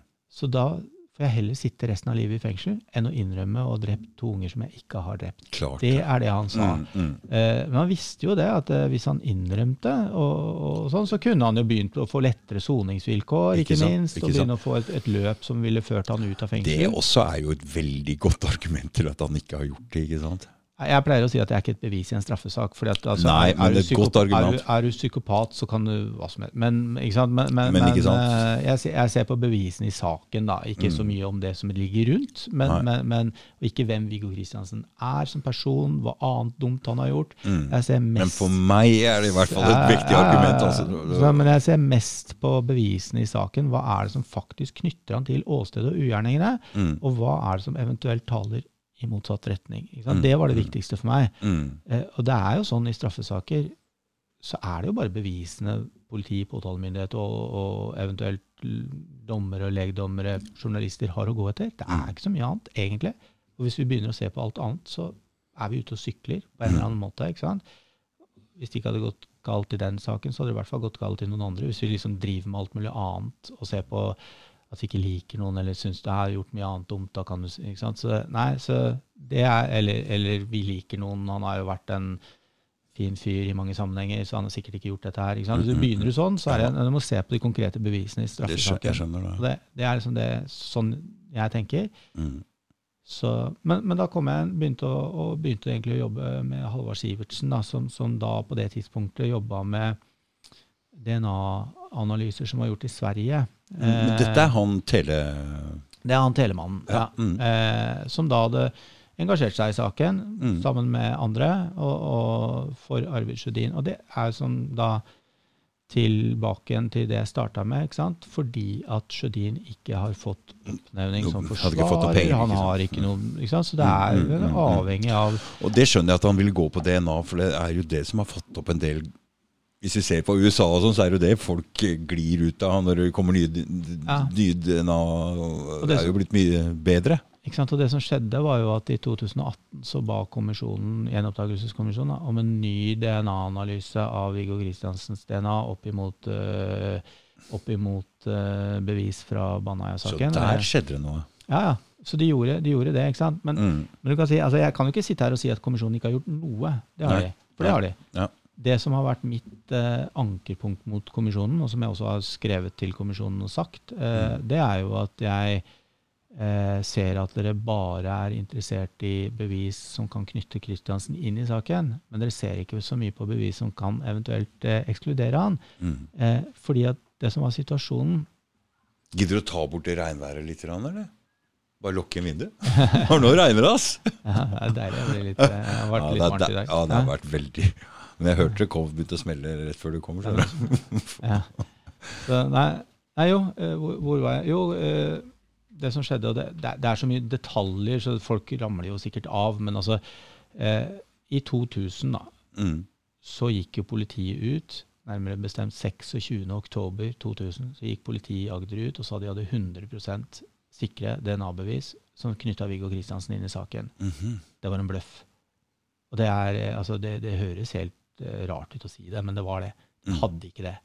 Eh, og Men de, sa, de sa det ute i media, eller sa det de, pressekonferanse. pressekonferanse? Mm. Ja, så hvis, hvis noen da vil, eh, vil sjekke det i, i eh, VG eh, 26.10.2000 Mm. De hadde jo tydeligvis fått vite dagen før. Mm. Eh, Forsida på VG den, den datoen Sikre DNA-bevis. Sik Politiet er sikre, på- eh, sikre på DNA-bevis mot Viggo Kristiansen. Mm. Det er overskriften hele forsida av VG. Mm. Samme dag er det pressekonferanse eh, med, med da kriminalsjefen i Agder, hvor han si, gjentar dette, at det er 100% sikre DNA-bevis mot Viggo Kristiansen. Dessuten så har vi oppdaget at han har begått eh, seksuelle overgrep, eh, og vi etterforsker han for et annet seksuelt overgrep som han ikke har innrømmet. Mm. Eh, er- Alt kom liksom bang, bang, bang. Mm. Eh, etter den datoen så er det ingen som noen gang var interessert i å høre mer på Viggo Kristiansens forklaringer. Mm. Og det ender jo da med at Viggo nekter da derfra ut mer. og la seg avhøre, fordi Mm. han sier jo det at 'jeg vet jo at dette ikke stemmer'. Jeg var jo ikke der. Mm. Nå vet jeg at dere bløffer. Mm. Eh, så eh, så um, viser det seg jo at dette stemmer jo ikke. De har jo ikke noe 100% sikre DNA-bevis. Det er jo ikke i nærheten av det. Mm. Eh, men det ble brukt til å dømme han, eh, fordi man mente at det var et bevis som med sikkerhet sa at det var eh, to gjerningsmenn. Mm. Eh, så, så han ble jo dømt med det. Også, så, og så de Så det de fant et annet mannlig DNA. helt riktig fra Men ikke sæd eller sånne ting. Nei, det er litt komplisert, fordi de sa det, at det var fra sæd. Mhm. Eh, men det som er problemet, er at hvis du analyserer sæd, da, -hmm. og så får du utslag, så vet du ikke hva slags, utslag, altså hva slags celler du har fått utslag for. Eller fra, fra men Nei, nei. eh, du kan faktisk ikke se det i, i en sånn type DNA-analyse, om du har fått noe fra CD eller noe annet. Mm. Sånn at Hvis du sier at du har CD-celler her, og så har du fått inn en eller annen form for kontaminering, som det så fint heter, smitte Mm, av mm, DNA mm, fra mm. noe annet i tillegg, Mm. så ser det likt ut. liksom. Altså det, så du kan ikke si med sikkerhet om du har fått DNA fra sæd eller ikke. Mm. Så, men det ble sagt. Eh, selvfølgelig for å ramme Viggo Kristiansen mest mulig. Det var ingen som var interessert i å være eh, nøkterne i forhold til hva disse bevisene sa eller ikke. Hvor mye tror du media har å si for en dommer i en sånn sak, og en jury var vel i dette tilfellet også? Har alt å si, vet du. Jeg er sikker på at i den saken her så var Viggo Kristiansen dømt før han gikk inn i rettssaken. Mm. Eh, Og det mener jeg at jeg kan begrunne ut ifra også hvordan dommerne opptrer, hvordan de skriver dommen etterpå, hvordan, hvordan media er sånn, hvordan fagpersonen også Mm. De kunne også- ikke frikjenne han etter det Nei, media det er kjører der? han, han fikk aldri en fair trial. Det, det, det mener jeg helt, eh, helt Mm. på det rene. Mm. Eh, Men, Og stemningen i Kristiansand ja, òg, ja, ikke så det, da mobilbeviset kom, så var det et, et bevis som alle sammen prøvde å bli kvitt. Jeg tror, tror faktisk også Telenor tenkte at dette var problematisk, eh, tipper jeg. Altså det, det, ser sånn ut. Og jeg Ja. vet jo da eh, at ansatte i Telenor uh, syntes at dette var ugreit. Liksom. Så, så, så, så, der Så du, du, kunne ikke, du kunne nesten ikke dikte opp en verre, verre situasjon, en verre Nei, altså, han- stemning, en verre Jeg mener han jeg mener han var forhåndsdømt. Uh, og, og det har Men på en måte, jeg kan ikke klandre media så mye for det på en måte. fordi at de er jo avhengig av den informasjonen de får fra politiet. Ja. Og når, og når Mm. politiet går ut og sier at vi har 100% bevis mot en fyr, Mm. her har vi 100 DNA-bevis, ja, hva skal du skrive da? Hva skal du si? ikke sant? Altså det, det blir blir jo litt sånn. da er vi jo inne på Agder-politiet, ikke sant? Og de har jo driver jo og herja med driver og surrer litt med den gjenopptakelseskommisjonen her også. Og, Har du lyst til å si noe om det, eller de to folka der som har vært samboere, eller Ja, jeg, jeg, jeg, jeg tror jeg kan liksom ja, kan, vi, kan, vi kan se hva Det har jo stått i, i, ja, ja, vi, vi, i media. Jeg, tenker mitt om det, for å si det sånn. Men, men altså, jeg, Ja. Eh, Hva slags rolle hadde han, politietterforskeren, er han som holder denne, straff, denne eh, mediekonferansen? ja, Det er han. det er han. Det er han, sånn, ja. eh, Arne, Arne Pedersen heter han. Arne altså, Pedersen. Eh, sånn, som det er alltid sånn, Jeg liker ikke så godt å snakke om navn. Nei, men, altså, dette er jo nå eh, allment kjent og ja ganske er godt diskutert. Kriminalsjefen i Agder, Arne Pedersen, eh, holdt den pressekonferansen hvor han sa at det var 100% DNA-bevis. Mm. Han har senere, i 2020, da Kristiansen hadde sin sak til vurdering i kommisjonen, Mm. gått ut i NRK og skrevet uh, ting om DNA-beviset som ikke stemmer. Han sier fortsatt at det er to bevis for to gjerningsmenn, Mm. eh, blant annet, eh, og at det er DNA fra sæd, mener jeg også at han sa, skrev i den kronikken. Han setter hele nå sin ære på det her. Han setter hele, hele, hele, hele ja, så, Han satser helt 100 Ja. Og ryker han, så ryker han og det suser av. Jeg vet, jeg vet liksom ikke, men, men også, også, i, også, i, også i 2022 så gikk han jo også ut på nytt ikke sant, og sa det samme på, på Dagsrevyen, vel. Mm. Eh, hvor han også sier det, ikke sant, at ja, det er jo DNA fra to. Eh, det så, men det, så jeg bare kan liksom jeg, Ja, ja, ser, ser ja, ja, ja, på, kom- kom altså, nå, nå har du putta på en penge her, Ja, altså, så får du bare leve med det. men, Det er bra. Nei, men, men, det- men det som Det som, eh, det som, eh, det som, det som skjer i retten Ja, nå, nå kommer det, nå kommer det uvær, men det, det får bare være. Ja. Det som, det som skjer i retten, Mm. det er jo at eh, Det er jo at eh, Du har Jan Helges forklaring, Jan Helge Andersens forklaring Mm. om hvilke barn han og Viggo Kristiansen har forgrepet seg på. Mm. Ikke sant? Og så har du eh, forklaringen fra en sakkyndig i det som heter Rettsmedisinsk institutt, som la fram DNA-beviset. Mm. Og hun sier ikke at dette er sikre bevis for at Viggo Kristiansen har begått disse overgrepene, men det hun sier er at det er sikre bevis for at det er to gjerningsmenn som har begått det. Det ene stemmer overens med Jan Helge, og det andre kan være Viggo. Altså det er forenlig med Viggo, eller vi kan ikke utelukke Viggo, da, det er vel det hun sier. Mm. Eh, men det er sikkert eh, at, det er, at det er DNA fra to gjerningsmenn. Eh, og, og det er et absolutt bevis, står det i, hvert fall i mediedekningen, at hun har brukt det uttrykket. Det er flere journalister som gjengir akkurat det uttrykket. Et absolutt bevis for det. Mm. Og så blir det jo presentert da, fra påtalemyndigheten at se her, det stemmer jo overens med altså hvor det er funnet, og på hvilke jente. Stemmer overens med Jan Helge Andersens forklaring om Mm. at han forgrep seg på den e eller begge forgrep seg på den ene jenta, Mm. og at bare Viggo forgrep seg på den andre. Så det stemmer jo overens. Alt Mm. er liksom eh, lina opp. Det er jo klart han ble dømt. ikke sant? Mm. Det er ikke vanskelig å skjønne det, at, at de som sitter i Og så- samtidig så får man liksom fjerna mobilbeviset, da. Ikke sant? Med en sånn Ja, det kan ikke utelukke. Eh, Det er klart han blir dømt. Og så, og så, men så, og så, og så Men så finner du vel Jan Helge Andersens DNA på den andre jenta òg? Nei, det, det, det, Eller? det gjør de ikke, skjønner Du gjør ikke det? Nei, så for det, men det som, det som skjer, det er det at, eh, det er det at eh, etter noen år så begynner jo Viggo å jobbe med gjenopptakelsesbegjæring. Får etter hvert inn en advokat, Sigurd Klomsæt. Eh, og han får med seg en som heter Eivind Pedersen, en journalist på, på, på lasset, som, som bidrar. Mm. Og så eh, er det litt sånn Det er litt eh, krangling og diskusjon om hvem som gjorde hva der. Jeg, det orker jeg ikke gå inn i. Men, men, men, men eh, eh, greia er iallfall at hvis man sier at de som jobba med saken den gangen, Mm. de eh, kontakter da eh, to fageksperter som Sigurd Klomsæt hadde brukt i Birgitte Tengs-saken, bl.a. Mm. Eh, ei som heter Ragne Farmen, som i dag Hun jobbet da i noe som heter Gena. Sånn, eh, Det er DNA-folk som blir ja, Gena, eh, Mm. uavhengig, uavhengig eh, institutt den gangen. Mm. Eh, Nå jobber hun i, på Stavanger universitetssykehus. Eh, CV lang som ja, eh, kjempedyktig. Mm. Eh, så har man en som het, eh, ei, som het Susan Pope fra Forensic Science eh, FSI, Forensic Science In- Institute, tror jeg det heter. Mm. Eh, altså det som da tidligere var det offentlige organet for DNA-analyser i og, og, eh, og, og USA? krimteknisk i, nei, i Storbritannia. Ja. Scotland Yard jobba de for, hadde Mm. tusenvis av saker. Veldig, veldig mye dyktige folk der. Mm. Eh, hun var jo en av de ledende. De to da kom, undersøker dette her. Og så får de etter hvert ut litt bakgrunnsinformasjon fra disse analysene eh, fra Spania. Som, altså analysene i DNA-analysene som ble brukt, var, var, var analysert i Spania. Ja. så det som politiet hadde? ja, det som ble brukt i retten, var fra, var, Mm, var fra mm. Spania. Ja. Så får de ut bakgrunnsinformasjon. Ja. Og det som skjer da, er at da oppdager de jo at her er det jo ting som ikke er lagt fram for retten. Fordi en av analysene viste ikke to, den viste fire. Mhm.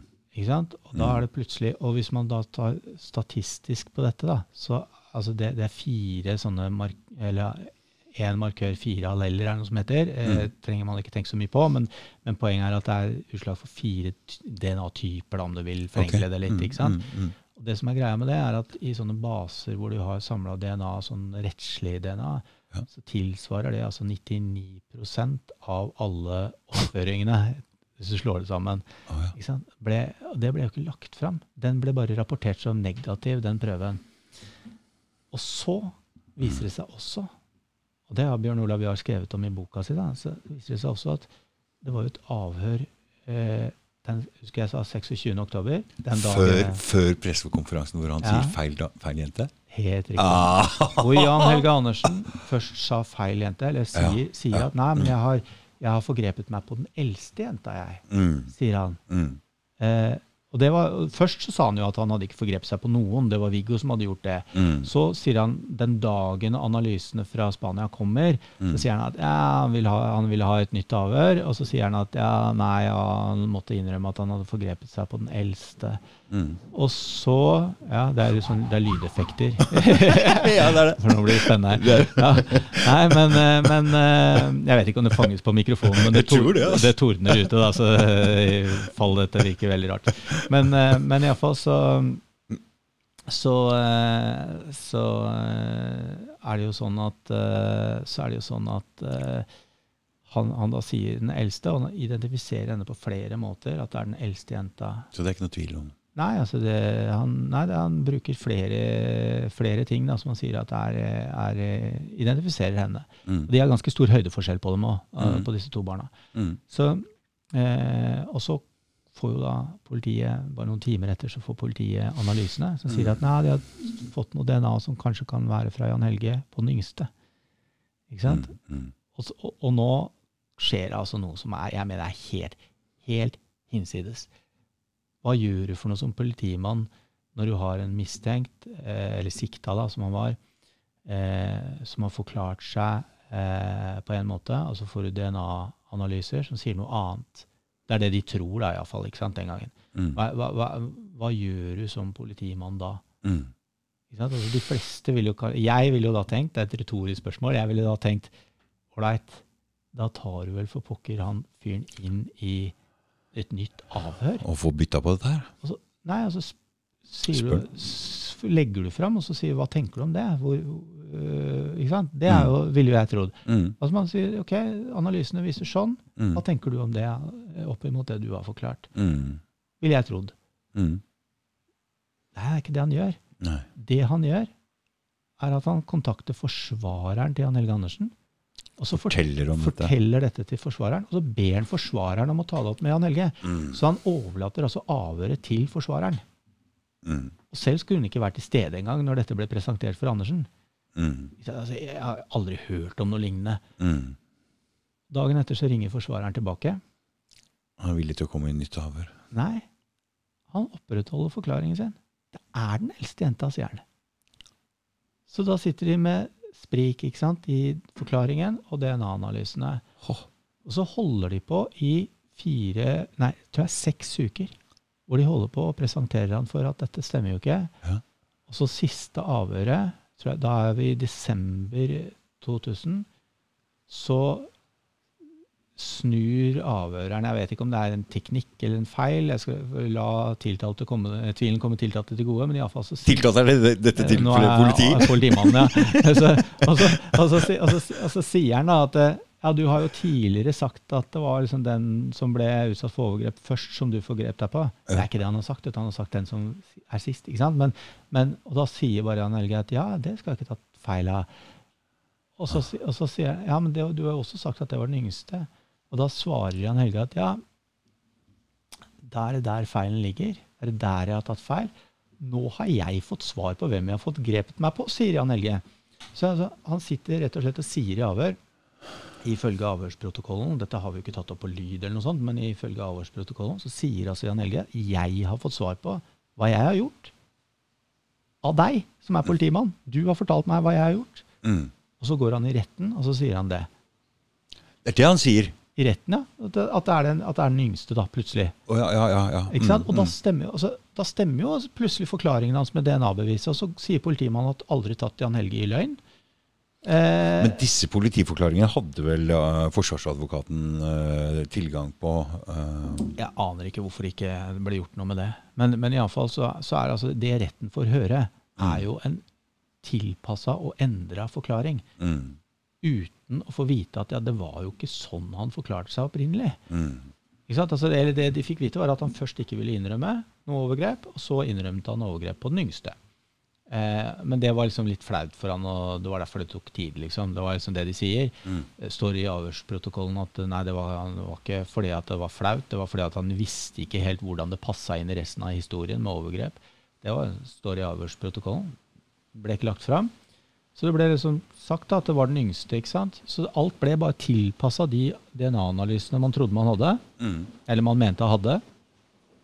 Og, eh, og da Ja, så da ble det, ble det sånn, da. Så nå, nå regner det så mye at nå hører jeg nesten ikke meg sjøl tenke, men, men Det er eh, sikkert hagl, må være hagl, da. ja, det er mulig. Oh.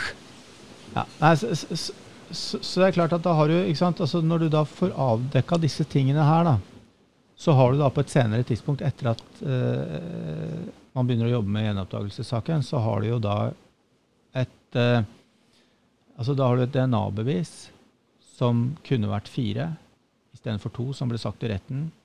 Eh, da skjønner jo de fleste at her er jo et eller annet som kanskje ikke er så sikkert likevel. Mm. Eh, og så og så, eh, har du en politiforklaring som, Som er som er tilpassa de, de analysene. Så har du mobilgreiene. Så kommer, så kommer de to sakkyndige som vurderer dette her eh, på nytt Mm. for Sigurd Klomsæt. Mm. Så sier de to at det er andre svakheter ved dette DNA-beviset. Det er eh, det, det, Skal jeg gå og lukke en døra der òg? Ja, nå må du, men nå må du kanskje redigere litt, da. Jeg vet ikke. Nei, Nei altså, så, så, de, så de, de, sier at, eh, de sier at det er, det er flere svakheter med, med, med disse DNA-bevisene.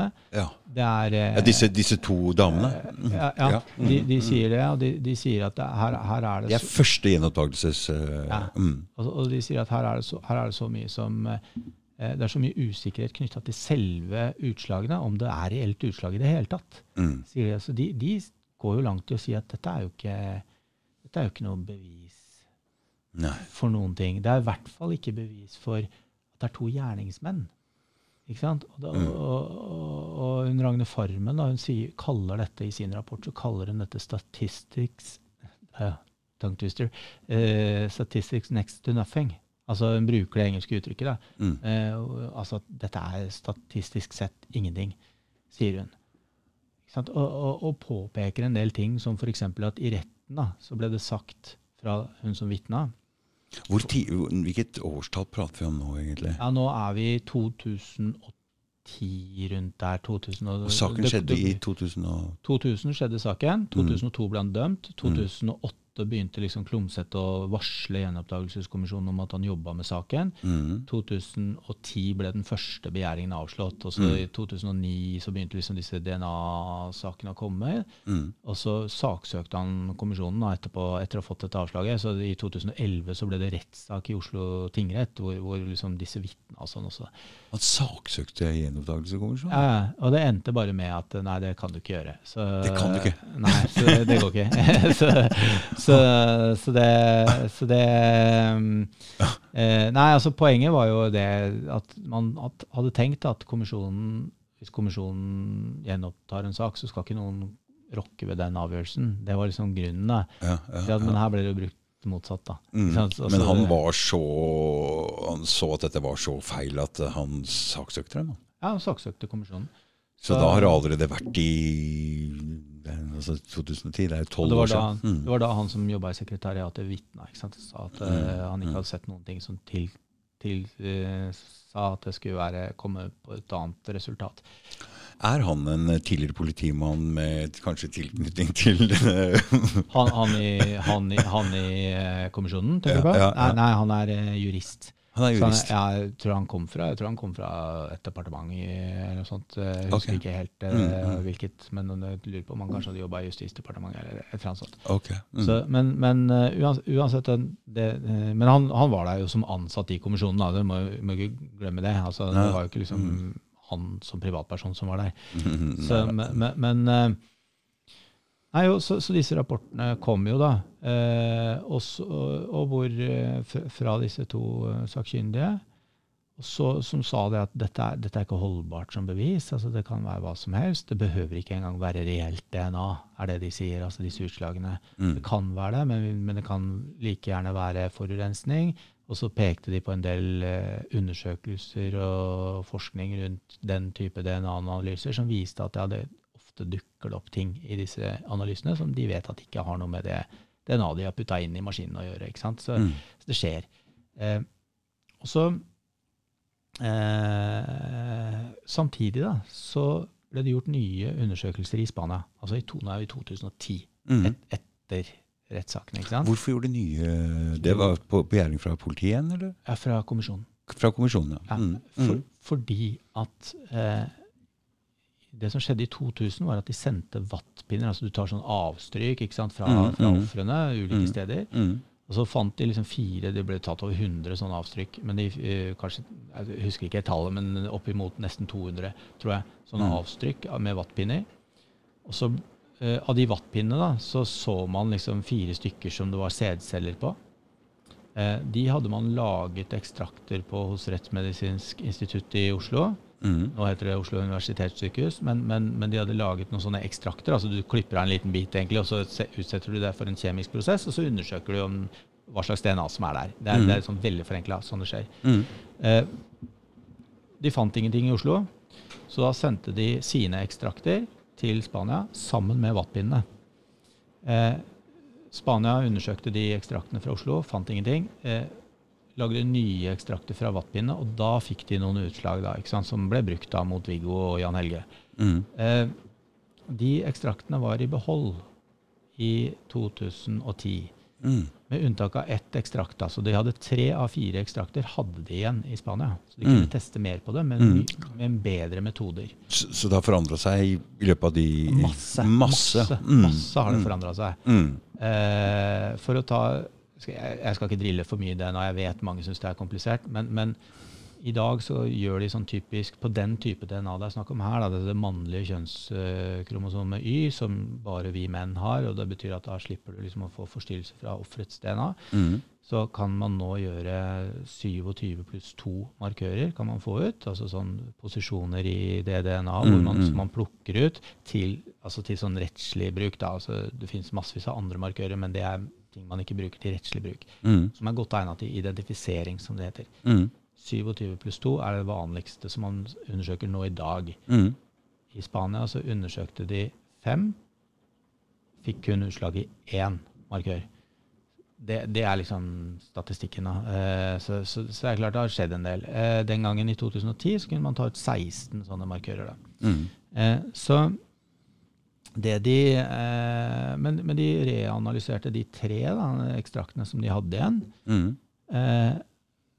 I den ene, som de tidligere hadde, i retten hadde rapportert som liksom, mulig av to, Mm. fant de ingenting. Eh, I den andre, som de også vel tror jeg hadde rapportert som mulig av to, fant de ingenting. I den tredje, som de i sin tid rapporterte som negativ, men hvor det reelt viste fire, eller i Mhm. hvert fall kom ut utslag for fire, så fant de nå det de selv omtaler som en tilnærmet full profil på Jan Helge Andersen. Mm. I tillegg til det så fant de utslag fra minst fire menn i eh, andre markører enn det de hadde fra før. Mm. Eh, sånn at dette ble jo da Da kom en ny analyse sant, på bordet som er, ble lagt fram. Da sa kommisjonen at DNA-bevis eh, mot Jan Helge Andersen, ja, det viste da at han hadde begått overgrep av mer alvorlig grad enn han hadde innrømmet tidligere. Mhm. Men eh, Og det har noe med hvor det ble funnet og sånn. Eh, men eh, det sier ingenting om Viggo Kristiansen. Nei. Ikke sant? Mm. DNA-bevis mot Jan Helge Andersen sier ingenting om Viggo Kristiansen var der eller ikke, ifølge kommisjonen. Ikke sant? Mm. Og da har du den situasjonen da, at uansett hvor mye DNA-bevis du finner mot Jan Helge Andersen, så sier, vil de bare si at ja, det bare bekrefter at han var, var der og gjorde mer enn han har sagt. Sier ingenting om Viggo. Ja. Så når de da i 2018 tok nye DNA-analyser, så mener jo jeg å se tendenser til at det ikke var Det handla ikke om å finne ut om Jan Helge Andersen hadde gjort mer. Det det handla om, var å finne DNA, sikre DNA-bevis mot Viggo. Mm. Eh, fordi at en ny analyse som ikke viste DNA fra Viggo, kunne jo ikke frifunnet han, ikke sant? etter den logikken der. Eh, så, så det vil jo bare være eventuelt bevis mot han, da. Ikke, ikke noe som kunne brukes for han. Mm. Så kommisjonen, som har ansvar for å undersøke om det er begått urett mot Viggo Kristiansen, de er etter mitt syn mer opptatt av å finne bevis mot han. Det skal de gjøre. Det er, mener jeg det er riktig, Mm. men de kan ikke bare gjøre det. Sant? De må også se på hva, det, hva er som faktisk taler for at han ikke var der. De må begynne å se på hva som var grunnen til at gjenoppdagelseskommisjonen egentlig ble oppretta. Ja, Du må i hvert fall være objektiv i si, sitt valg av etterforskningsspor. Mm. Eh, og de hadde jo tidligere, altså Klomsæt, eh, Noe av det første Klomsæt gjorde, var jo å be om å få en second opinion i regi av gjenoppdagelseskommisjonen på DNA-bevisene fra 2000. Det avslo kommisjonen. Det ville de ikke ha. Det var derfor han gikk ut til disse to Mm. eh, personene, da, Mm. eh, som han, eller fagpersonene som han kjente fra før. Eh, Men den gangen hadde Klomsæt eh, fikk penger av staten til alt dette, eller? Nei, han fikk eh, lite av det. Så det var derfor han ønsket at kommisjonen skulle gjøre det. For det er jo de som betaler. Mm. Men det gjorde de ikke. Så, men han fikk halvveis oppnevning på den første begjæringen. Altså at han kunne føre noen timer, men ikke veldig mye. Men Mm. ikke sånne undersøkelser. Nei, det Hvem, hvem er det egentlig som har stått bak og hjelpa til? Og, Jeg skal, skal være veldig forsiktig med å si for mye om det, men, Mm. uh, men jeg, ja, jeg har fått uh, forståelsen av uh, At det er- at, det er, Mm. at det er familien til Viggo. mm. Eh, Det, er- det er sånn jeg har forstått det. Jeg, Mm, jeg har ikke, mm. de har ikke sagt det til meg, så jeg, Nei, jeg, nei, men, mm. eh, andre har liksom sagt at det er sånn det er. da. Som betalte da for disse DNA-analysene. Eh, men, men, men ikke sant, så, så, du- så du har det, det er den situasjonen. da. Så I 2018 ble det da eh, gjort nye undersøkelser i Sverige. og De sendte da dette til, til Sverige. Eh, og de kom tilbake med en konklusjon om at nei, vi finner ingenting som vi vil rapportere, sier de. Og det er jo fordi at de følger nå en helt annen standard enn det som ble brukt den gangen. ikke sant? De rapporterer ikke enkeltutslag hit eller dit. fordi at det, Det er ingenting her å rapportere. Nei, så de sier at de, Og de forklarer at for å rapportere noe som kan sammenlignes, så må vi ha DNA som kan sammenlignes med en person. Det nytter ikke å komme med noe som er sånn type ja, 50% av befolkningen har dette, eller noe sånt. Det, det, Det er ikke vits i. nei, det, det gjør det ikke, fordi at risikoen for at det brukes feil, er så stor. Mm. Ikke sant? Så, Mm. så, så, så, så de, det de sier, de finner ingenting å rapportere, og begrunner det. Og så sier de at de må ha mer enn ti markører, treff, som er sikre treff. Altså at det er gjentatt. Mm. Ikke sant? Altså to like, da. Så eh, egentlig på mer en, mer en, i mer enn ti markører. Da først kan de være villige til å sammenligne det mot DNA fra en person. Mm. Eh, Så, så de rapporterer ikke, men de sender inn bakgrunnsdataene. Så vi ser jo hva de har fått av enkeltutslag og sånn. Eh, Men eh, Jeg lukker opp igjen, Mikkel. Det blir veldig varmt. Hæ? ja, ja, ja. Gjør, gjør det, du, det du vil. Nei, så, så eh, og, da, og da går jo da Halvard Sivertsen løs på dette, og dette er da som sagt høsten 2018. Dette ble en fryktelig lang digresjon, men, men, men, men iallfall så går han løs på det på syns det. kjempespennende. Ok, ja, det er bra. Da er vi to. så får vi håpe at det henger med én til der ute, så er det bra. Ja. Nei, men, men, eh, men Halvard Sivertsen sitter da og analyserer disse, disse ulike Altså hele den historikken som jeg har prøvd å sånn danne et bilde av, og det er jo mer detaljer selvfølgelig rundt dette, Mm. men, men, men han sitter og gjør det, og, og, og vil skrive da en rapport til kommisjonen om hva dette betyr, satt i sammenheng med alt det andre. Mm. Eh, disse DNA-rapporten fra Sverige. Da. Mm. Eh, og eh, så sender han det ut til, til meg og flere andre i den gruppa som, av frivillige og Arvid Judin osv. Eh, og så ser jeg på det, og så tenker jeg litt sånn ublygt at eh, her, her, her tror jeg jeg kan bidra med noe. Eh, og så spør jeg Halvard om han syns at det er ok at jeg eh, bidrar litt og, og, og prøver å flikke litt på den rapporten han har skrevet, og det syns han var helt fint. Mm. Eh, så da gjør jeg det. Så sender jeg det tilbake til Halvard, og så syns han at ja, dette her var veldig bra, og så fortsetter vi en dialog rundt dette. Mm. Og så lager vi da i fellesskap et, en rapport som vi sender til Arvid Sjødin, og som han ser på og sender videre til kommisjonen. Mm. Og da er vi sånn type, tror jeg, hvis jeg husker feil, så tror jeg noe sånn november eh, 2018 eller noe sånt nå, tror jeg. Eh, når, dette, når dette da liksom leveres over til, til Arvid Sjødin. Er dette den siste Nei, dette var det første dokumentet jeg var med på. Ja. Og, s- og så er jeg på en måte med da, i denne gruppa. Ja. For altså, sånn? Ja, Hvis du snakker om min rolle, da. Og, da, og da, derfra ut, så, så vi da, jobber vi jo da med sammen om, om disse eh, prosessskrivene da, til, til kommisjonen. Og det, jeg trodde jo, når jeg kom inn, at saken var nær ferdig. ja. Ikke sant? Ja. Altså, så, Ja. så jeg tenkte bare som når jeg sa at ja, ja, men Nå. eh, jeg kan bidra litt. Jeg trodde ikke det skulle bli så mye. Men, men, eh, men det viste seg at dette var jo langt fra ferdig. Ja. For du husker det var 2018, ikke sant? Ja, ja, sånn slutten av 2018. Og så ble jo saken gjenåpna i februar 2021. Der, Derimellom skjedde jo en del, da. Så, eh, så, og, det, det som da skjer, er at det kommer inn en del innspill til kommisjonen fra bistandsadvokater som, Mhm, som mhm, motsetter mhm. seg dette her. Og det kommer inn innspill via, via en tidligere Kripos-etterforsker på saken, som også har jobbet i gjenopptakelseskommisjonen, som han sender inn til sine kollegaer og sier hvis dette kan hjelpe, så osv. Mm. så det begynner å komme inn, komme inn dokumenter da, som, som vi føler at ja, dette må vi svare på. Eh, Det, og- det er noe dere får se også, dette. ja, ja, for det, ja, for det er liksom litt av greia med Arvid Sjødin, da, er jo at han eh, si, han, han benytter seg jo av de frivillige. Mm. Så han slipper på en måte frivillige Mhm. til. og så Hvis Mhm. du på en måte kan bevise at du, at du kan noe, da, eller vil noe, eller, eller bi, vi kan bidra, så, så åpner han gjerne opp i den situasjonen der. Og han sa at dette er en nødsituasjon, så, men, men liksom, vi, nå, må vi, nå må vi jobbe sammen. Da. Så, mm så, så det, er, det er sånn det foregår.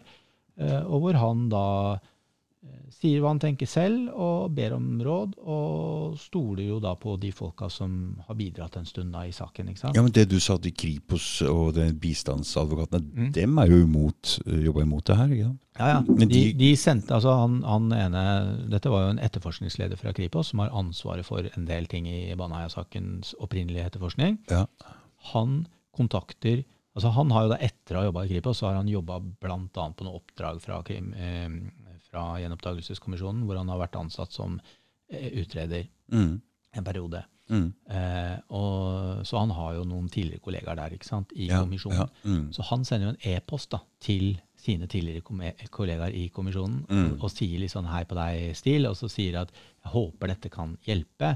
Og så kommer det liksom en, et langt dokument med flere og 20 punkter som skulle liksom bevise at dommen var riktig, at det er ikke noe grunn til å gjenoppta dette. Mm, mm. Dette måtte vi jo svare på, ikke sant? Ja, for dere får også disse dokumentene. Ja, kommisjonen sender det, ja, sånn. Kommisjonen sender det tilbake, altså sender det ut til partene. Ja. Arvid Sundin er part. Viggo Kristiansen har lov til å ha en forsvarer, Mm, han mm. betaler sjøl. Ja, Altså, det er en sånn greie, eller noen Mm. må betale for han, ikke Mm. kommisjonen, da, siden Mm. de ikke vil det.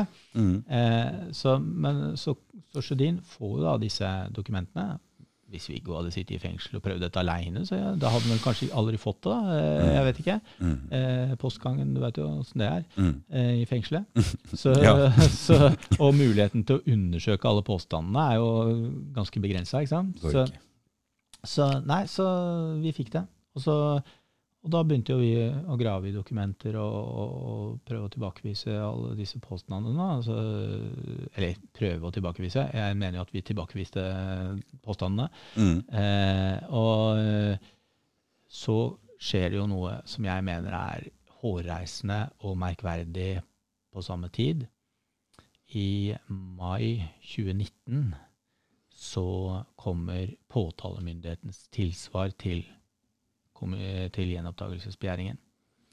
Eh, da husker du kanskje at jeg sa i stad eh, at i eh, juni, tror jeg det var, 2017, så ble den siste gjenopptakelsesbegjæringen levert inn.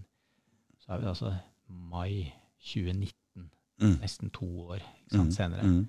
Da kommer påtalemyndighetens begjæring, nei, tilsvar til den begjæringen. Vi har altså hatt den i, altså Kommisjonen har hatt den i to år. Påtalemyndigheten fikk den litt noen måneder seinere, men de har hatt den i halvannet år på påtalemyndighetens kontor, Mm. og kommer da med, med tilsvar da. Da har de fått flere utsettelser og sånn underveis. Mm. Eh, Så de begynner å skjønne hvor det bærer hen, og bare drøyer us- det, det vet jeg ikke. Det kan være grunner til at, at de har brukt så lang tid. Mm. En av grunnene var jo at de eh, satte seg ned med dokumentbunken, som da var på papir, skanna det inn og fikk det elektronisk, blant annet, som vi hadde glede av etterpå, for at vi fikk det også. Så vi, og det letta faktisk arbeidet vårt mye, for da Mm, kunne vi mm, søke mm, og sånn. Og mm, det mm. letta kommunikasjonen også bra, for da kunne vi skrive til påtalemyndighetene at ålreit, se dokument sånn og sånn. Mm. og Bare vis de dokumentnummeret, og så slå ikke sant? Så det, er, det er litt lettere. Mm. Men, men eh, For alle. Men, men eh, Så det var jo fint at de gjorde det. Men, men eh, det som skjer, da, det er at, som jeg sa innledningsvis, du har en påtaleansvarlig i politiet i Agder som da har fått denne hete poteten eh, på sitt bord. Eh, han skal jo ikke ha noen rolle i en gjenopptakelsessak, men, eh, men eh, ok, påtalemyndigheten står fritt til å høre på hvem de vil, så, så de snakker jo med han. da. Eh, og så skriver han et skriv på ca. 50 sider eller noe sånt nå, hvor han etter min mening eh, Altså, det er, det er et makkverk. Eh, altså, han, han går så langt i personangrep og sånn på fagpersoner, på alle som egentlig har snakka Ok. Som har Mm. støtta Viggo Kristiansens sak. Riktig. Eh, og ja, det, det, jeg, jeg vet ikke om jeg på det tidspunktet hadde lest noe verre. Jeg har det kanskje nå, men, men, eh, men uansett, det var ikke bra. Eh, påtalemyndigheten og disse to statsadvokatene de gjør det sånn at de plukker fra utsagn fra den eh, innstillingen til politiet og, og, la, og putter det inn i sin egen og gjør det, de ordene nærmest til sine egne. Da. Eh, og, og jeg mener jo at, eh, at de går for langt. Jeg mener at de bryter noe som heter objektivitetsprinsippet. Og, at, altså at du skal se både det som taler for og det som taler mot. Det er de lovpålagt å gjøre. Mm. Eh, politiet også. Jeg mener at de bryter det så det gnistrer etter. Eh, og de kommer med så mye absurde påstander at det er, det er helt merkelig. Eh, kan ta én, bare for å liksom vise hvor For noe av det er liksom teknisk, og da må du vite, kjenne litt eh, geografien i Baneheia og sånn. Så, men kan ta én påstand. Eh, den eh, kvelden hvor disse to jentene ble drept, Mm. så ringer Viggo Kristiansen til en kompis. Eh, det skjer klokka 20.19. Eh, og det vet man fordi at man har telefonutskriften, og man har eh, vitnemål fra både Viggo og denne kameraten, så man vet det. At eh, Mm. de, de snakka med hverandre. Mm. Eh, 2019, det er jo da altså Hvis man legger til grunn da, at jentene forsvant klokka sju, og så ble var drapene over klokka åtte, sånn som Jan Helge forklarer, mm. så er 2019 sånn Det, det rekker jo akkurat, da. Akkurat, ja. Ja, hvis du Mm. løper fra Baneheia opp til Mm. Eller forter deg, da. Fra Baneheia opp til Eller fra åstedet i Baneheia opp, opp til der hvor Viggo Kristiansen bor, så rekker du akkurat det. Mm. Og da har altså eh, Da mener altså påtalemyndigheten i fullt alvor at det finnes ingen annen grunn til at uh, Viggo Kristiansen ringer til sin kamerat, enn at han prøvde å skaffe seg alibi. Mhm. Så det er et bevis for at han har begått drap, at han ringte denne kompisen. Så de mener at en så ung gutt etter en så grufull eh, hendelse er så kald i huet at han løper hjem for å skaffe seg alibi? Ja, og så, og så, Ok. og så er poen- poenget med det, altså, Mm, mm, mm. hvis du ser objektivt på det, ja, ja, ok, det er én mulighet. Men det finnes vel et par andre her. Altså, eh, Viggo Kristiansen var da 21 år gammel. Dette var en fredagskveld, og han ringer til en kompis. Mhm. Er det bevis for at du har begått drap? Fin- fin- Finnes det ingen andre muligheter? liksom? Og det er det de sier. Det finnes ingen andre muligheter enn det. Oh my Ja, ikke sant? Og, og, og da, da mener jeg, det er, det er nivået til påtalemyndigheten i Agder. Altså, det, det er altså så hinsides, og, og, sånn holder de på. Så de mener at den samt, telefonsamtalen eh, er, viser noe imot at han, at han Ja, så det er bevis, Det er for, at han, det er for? bevis for at han er skyldig, fordi at han da prøvde å skaffe seg alibi. Ok, så de er såpass Ja, med beviser. Ja, det, det er liksom, ja, nei, altså da, da er det jaggu ikke lett å forsvare seg når det, når det er nivået. Mm. Og, og Påtalemyndigheten og politiet er pålagt objektivitet, dvs. Si at de skal se på flere muligheter. Mm. Eh, hva taler for, hva taler imot? Det er en del som taler imot også, eller taler for at det kan ha vært en annen mulighet for at en eh, Er du gæren? 21-åring ringer til en kompis på fredagskvelden. Men, men, eh, men ålreit, det er liksom nivået til, til statsadvokaten, og sånn holder de på med masse greier. Og jeg mener de, altså det, er, det er en skandale. Jeg ble helt altså Jeg ramla jo nesten av stolen. Jeg syns det var helt forferdelig å lese. Mm. Eh, forferdelig fordi Ikke fordi at de liksom angrep begjæringen til Viggo Kristiansen, men forferdelig fordi at jeg tenkte at Gud hjelp, Er er dette, dette, er dette dette, nivået? er dette nivået? Ja, Mm, mm, det, det var helt, for meg helt uh, utrolig. mm. Og også, uh, og som sagt, det var bare ett av mange andre eksempler som de kom med. Mm. Eh, og så uh, er det sånn at dette skjedde jo da som sagt i mai 2019. Det var en, Svaret fra statsadvokaten var på noen og 50 sider. Mm. Og så får Arvid Sjødin, som ikke er oppnevnt, jobber med masse andre saker samtidig, og får tre uker på å svare. Og det er spekka med påstander fra politiet og påtalemyndigheten. Mm. Eh, og så høres ja, Tre uker det høres jo greit ut, ikke sant? men det gjør ikke det hvis du jobber dag og natt med andre saker. Jeg, vet, jeg har jo vært sammen med en jurist, jeg veit litt hvordan dette som fungerer. De bare kaster en haug med papirer den veien, og så er det masse advokater som sitter på ene sida, og så Mm. er du aleine, så klarer du ikke det. Og, og, og, og det er klart at da er vi tilbake til altså, behovet for frivillige. ikke sant? Mm. Men altså, ok, Halvard Sivertsen var pensjonist, da, så han hadde jo kanskje litt tid. Men jeg hadde jo full jobb, eh, så jeg sykla jo i en periode da. Så sykla jeg fra morgenen til jobben, jobba, forta meg hjem og satte meg ned på kontoret og jobba med denne saken eh, til langt på natt, og sånn holdt jeg på, og jobba hele helga og hold- holdt på sånn, ikke sant. I, i, det var nesten ikke hvilepuls i det hele tatt. I de tre ukene. I de tre ukene, og så kom vi jo bare til at dette går jo fader ikke. Går ikke for det. Nei, det var ikke kjangs. Og det, eh, og det som er greia, er jo at bare for å forklare litt, da, altså sånn, eh, du kan ikke bare se en påstand og så svare på det. Mm. Du må jo undersøke påstanden. Ja da. Du må finne de dokumentene det er snakk om, Mm, og, du, mm, og du mm. må finne motdokumenter. Ikke sant? I en del tilfeller så må du jo også finne det. Mm. Eh, akkurat der, da, så eh, det, var, det var liksom et eh, spørsmål om, om en del forhold i saken. altså Blant annet, så, som sikkert mange vet om nå, så er det sånn et spørsmål om den sykkelen til Viggo Kristiansen. altså Han, hadde- en han sykla jo litt tidligere på Mm, mm. dagen enn dagen. Mm. Så møtte han Jan Helge, og det, det har begge snakka om. Så det, sånn, og det er vitner og en del ting, så vi vet at det skjedde. Mm. Han sykla hjemmefra, møtte Jan Helge. Så er spørsmålet eh, sykla han hjem igjen, sånn som begge forklarte til å begynne med. Mm. Før de ble arrestert, så fortalte begge det, at nei, Jan Helge ble igjen aleine, han Viggo sykla hjem. Mm. Eh, etter at eh, Jan Helge ble, eller begge ble arrestert, så Hva var klokka da? eh, Ja, da klokka er seks. Ja. Mm. Og jentene forsvinner. Da, da har ikke jentene gått til badebrygga ennå. Nei, Sånn, at det er klart. Ikke sant? Altså, mm. eh, og så- eh, og så klokka sju, da, så sånn rett før sju, så blir jentene observert på badebrygga. Mhm. Eh, og det er liksom Da er de ennå observert. Altså det. Ja, Mm, rett mm. før sju.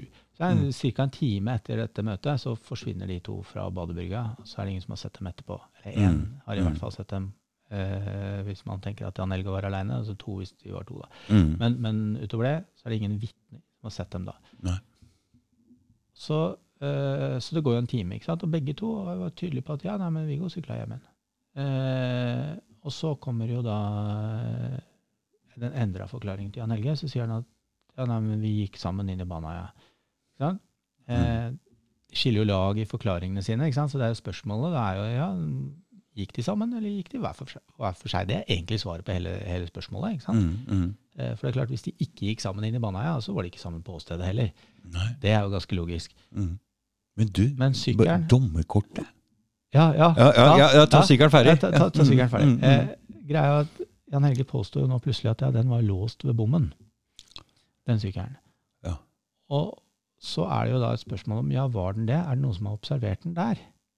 Eh, og det var en sykkel som eh, utseendemessig var den gangen i hvert fall, ganske påfallende. I dag så finnes det jo mange litt spektakulære Ja, ja, ja. men det var Mm. liksom litt sterke farver og litt sånn. Mm. eh, som sto på denne bommen. Og så tenker man seg selv at ok, da er det sikkert mange som har sett den, eller kanskje lagt merke til den, og sånn, men det er det ikke. Mm. Derimot så er det en fyr som har lagt merke til den sykkelen. Og Mm. han, et av de vitnene som så Jan Helge og Viggo sammen, Mm. han la først og fremst merke til den sykkelen, som han syntes var litt kul. Eh, eller han beskriver den iallfall, den Mm. sykkelen, med Mm. farver og det hele. Mm. Han dro da ut med en kompis på løpetur, kommer tilbake en time seinere og tøyer ut på den bommen. Er ikke det en sykkel? Han sier at jeg så ikke noe til de to gutta, sier han liksom. Så etterpå, øh, men han, han har jo ikke snakka noe om den sykkelen noe mer, som jo er logisk hvis den ikke var der. Mm. Men så ble han jo spurt etterpå ja, så du den sykkelen. da? Nei, det gjorde han ikke. ikke sant? Eh, kan ikke huske det. Det ville jeg jo sett. Jeg Mm. tøyde ut der. Mm. Mm. Han husker mye annet. Han huska en Mercedes, og han huska liksom en Mm, bikkje som ble Og en løfta inn i- sykkel som han allerede hadde beskrevet, som han husker. ikke sant? Han sett Mm, Og han tok jo selv kontakt med politiet nettopp fordi at han ville gjøre dem oppmerksom på disse to gutta som han syntes var litt rare. ikke sant? Altså, sånn, så mm. det var hans utgangspunkt, egentlig. Mm. Eh, så nei, den sykkelen, den, eh, den hadde han ikke sett noe mer, da. Mm. Eh, og, så kom, og så er det da eh, litt diskusjon rundt det greiene der. Eh, hvor sterkt eller svakt er det beviset? ikke sant?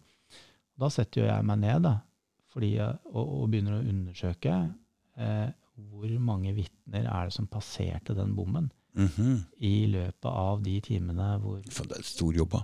Ja, da måtte jeg gå gjennom ganske mange Og det er ett punkt, ikke sant, av de 50? Ett punkt.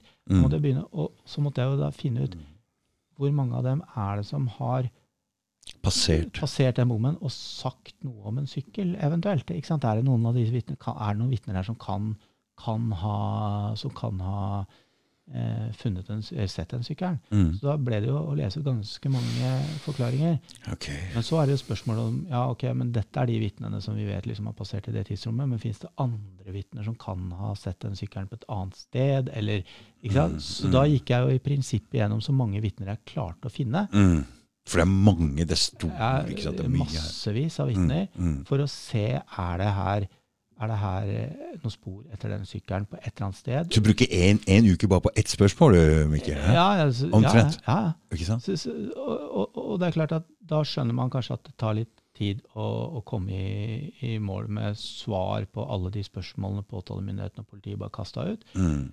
Eh, så fikk vi to ukers forlenga frist. Ja.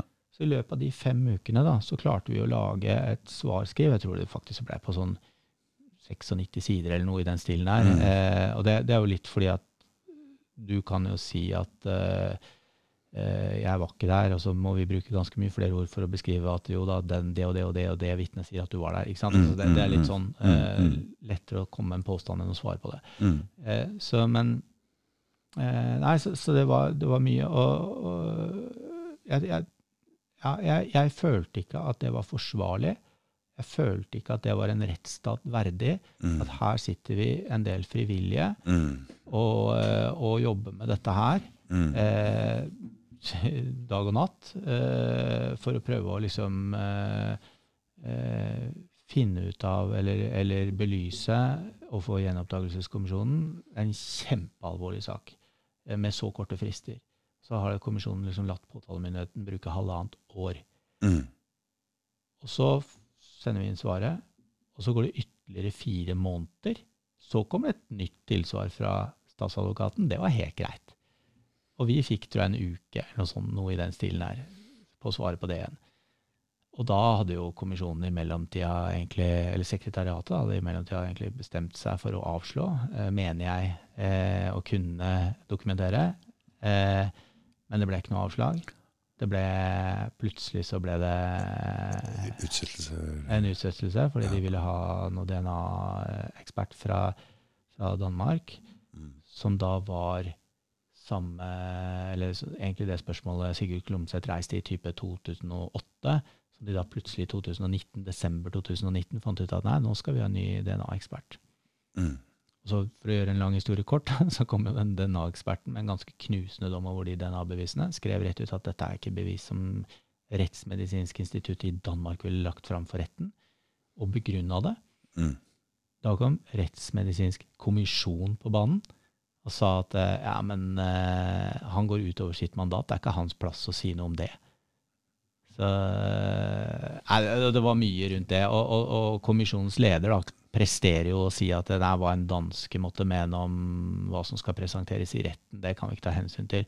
Og hun som hadde oppnevnt han, da. Oi. Men uh, Her er, det, her er det så mye, eh, Mikkel. ja, det, det er så mye, og vi skraper overflata nå, altså. Så det er så mye, og derfor så mener jeg at denne saken må jo granskes.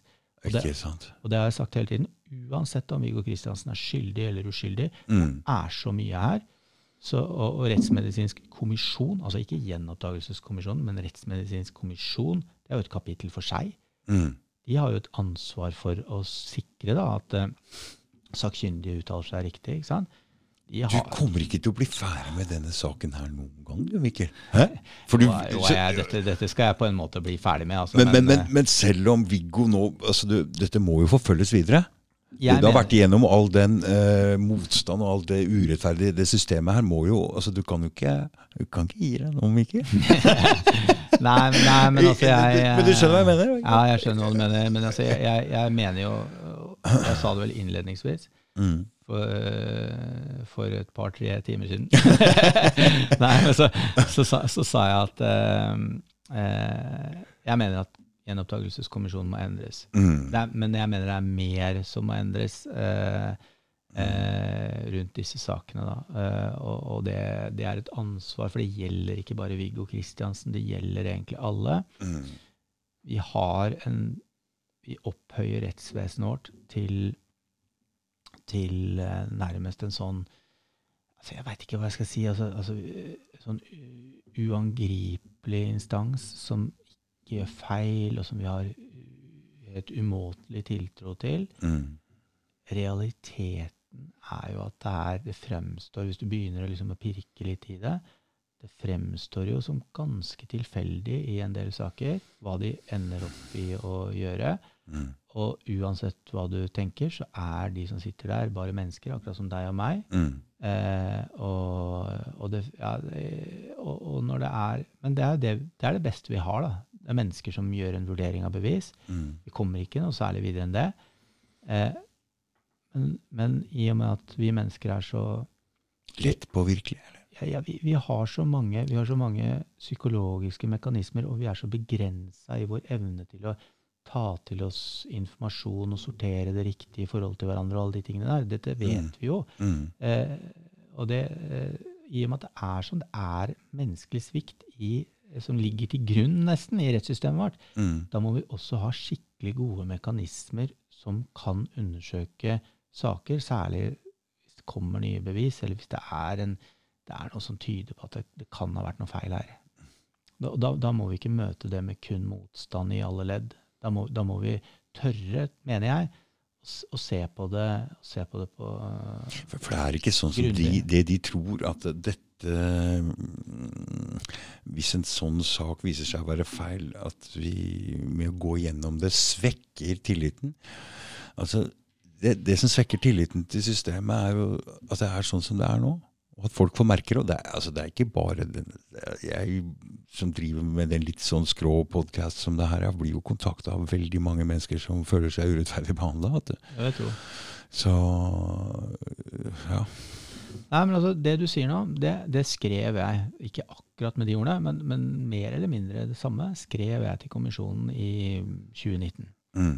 Eh, skrev jeg, et, eh, jeg leverte noen videoer som jeg hadde laget om eh, hvor jeg gikk gjennom litt i kart og sånn, altså, som, som, en del av det tilsvaret til Sjødin. Mm. Eh, hvor jeg viste liksom hvorfor en del av påstandene til politiet er helt urimelige. Eh, fordi det er ikke så lett å forklare med ord. Mm. Så da lagde jeg en, en, liten video som viste litt. Sendte det over til kommisjonen. Eh, gudene vet om de har sett det, men, men, eh, men, eh, men, da skrev jeg også et eh, brev hvor jeg skrev litt om mine vurderinger og, og, og liksom uh, mi, mitt eget inntrykk av hele greia, da, hele kommisjonen, og, og, hvordan de opptrer i den saken. Mm. Eh, og da, da, da, sa jeg egentlig akkurat det samme som du eller skrev, akkurat samme som du sier nå. Mm. Det er jo ikke det er jo ikke det at det har blitt begått feil, eh, eller at man får belyst at man har begått feil, som, eh, og må se på en sak på nytt, eller det er usikkerhet om det er begått feil, så man må finner ut at vi, dette må vi se på en gang til. Mm. Det er jo ikke det som skaper mistillit i rettssystemet. Det som skaper mistillit, er jo at man dekker, eller tviholder på feilene, ja. dekker over det og, mm. og, og, og prøver lar, opprettholde urett. Mm. Det er jo det som skaper men, mistillit. Men, men, men da, da, er det jo egentlig bra at de har gjort som de har gjort, og at det kommer fram nå så voldsomt som de gjør. For det kommer til å bli en greie ut av det her. Media har snudd. That's it den her er gunners for dem. Altså, det er nødt til å gå. Det er veldig bra at de har vist sånn motstand, så vi får, får tydeliggjort jeg, jeg, tror det kommer opp ordentlig nå. Jeg, jeg, håper du har rett i det, men jeg, jeg, jeg vet ikke helt. Altså, husker Jeg starta dette her med å snakke om Ekrot og, ja, ja, og, og, ja, og Lillian-saken. Mm, mm, mm, de opptakene de gjorde i retten, med, med opptaksutstyr mm. ble helt avgjørende etter hvert for, for eh, at saken ble gjenåpna. Mm.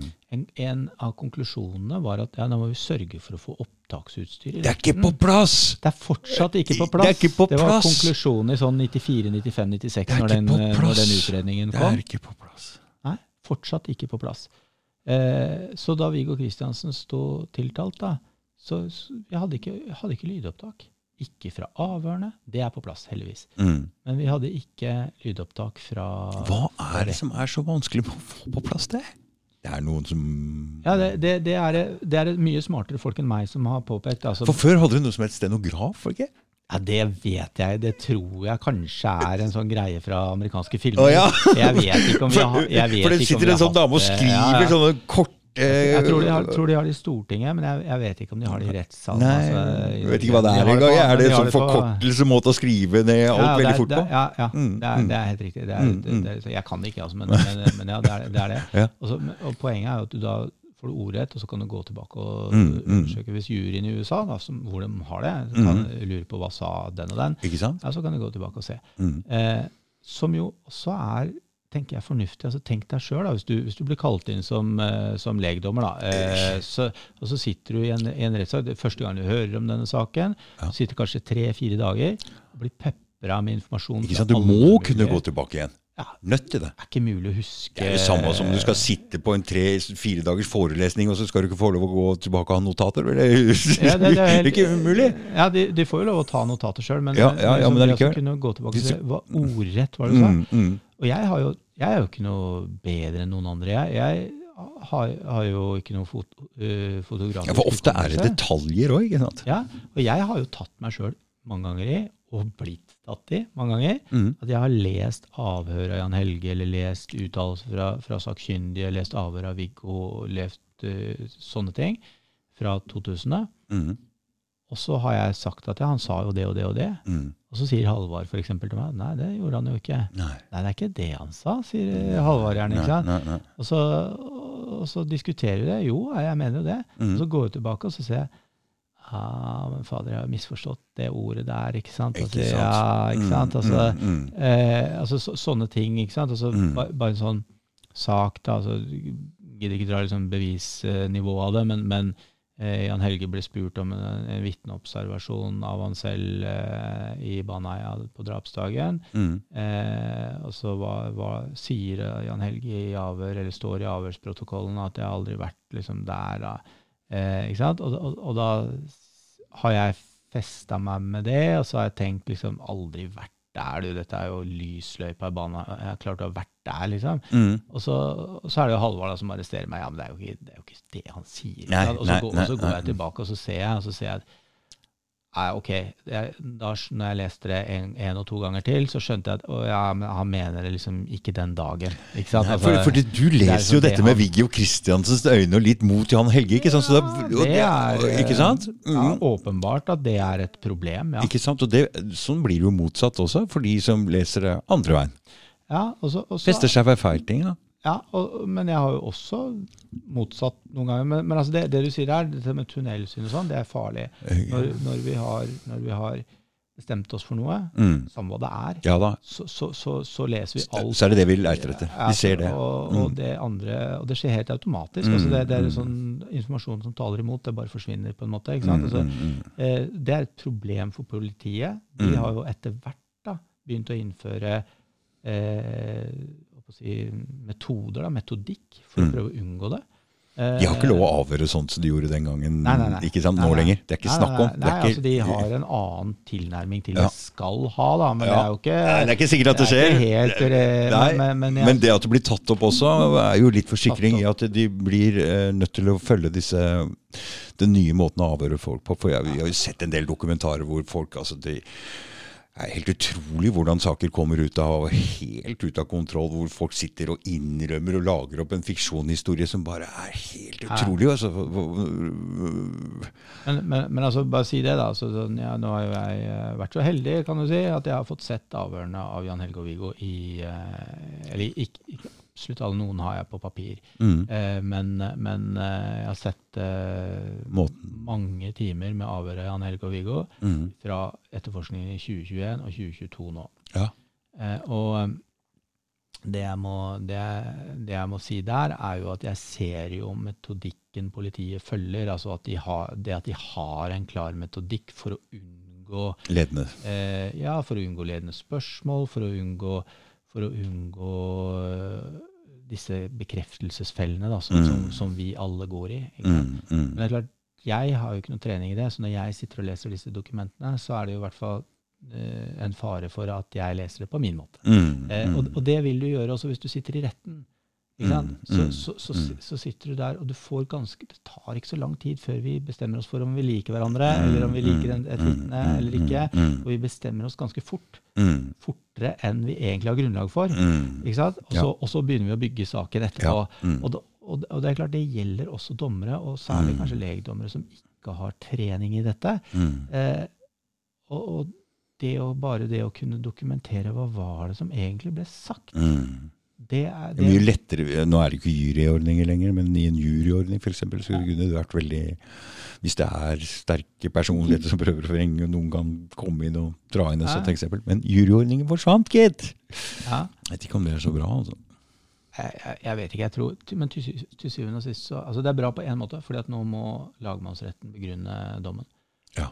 Det er bra. Jeg mener at det må endres altså det, det er smartere folk enn meg da, som har sagt at må, må, må få, vi må få på plass eh, vi må få på plass både video og, og lyd, særlig lyd, Ja, fra, vet fra, fra rettene. Mm, Blant mm. annet Asbjørn Rachlew. Jeg syns han er en veldig interessant fyr. Han burde flere høre på. Mm. Eh, ikke, det- ikke det alene. Han er, politi, han er sånn avhørsekspert i politiet, jobbet mye med det. Mm. Jobbet mye med å få fram nye, Metoder. nye, nye metoder. Han Mm. og en som heter Ivar Fasing har Mm, inntrykk av mm, at mm. har liksom har vært ledende innen det arbeidet. Mm. Eh, han er ofte med i mange podkaster og sånn. Veld, veldig engasjert og, og, Mm. dyktig fyr. Han har skrevet en doktoravhandling også om justisfeil og sånn. Mm. Eh, så- så- se hva som skjedde i Bjugn-saken, ikke sant? Hvor, ja, Bjugn og Tengs og så videre. Så, ja. så, men, men, men han han sier jo det i en podkast jeg har hørt på, så sier han en konkurrerende en. Så, sier, si, så sier, sier han det at eh, ja, men eh, eh, vi må få på plass eh, dette. Mm. Og så sier han en, eh, kommer jo han med en vinkling, da, som på en måte, for det er sånn han tenker, ikke sant? som Mm. jeg syns er veldig spennende. Mm. Han sier at uten at vi har lyd av, eh, lydopptak I rettene. i retten, Mm. så har vi ikke noe grunnlag for å forske på dommene. Og, hvor, og hvor, hvordan, hvordan, eh, hvordan dommerne faktisk vurderer bevis.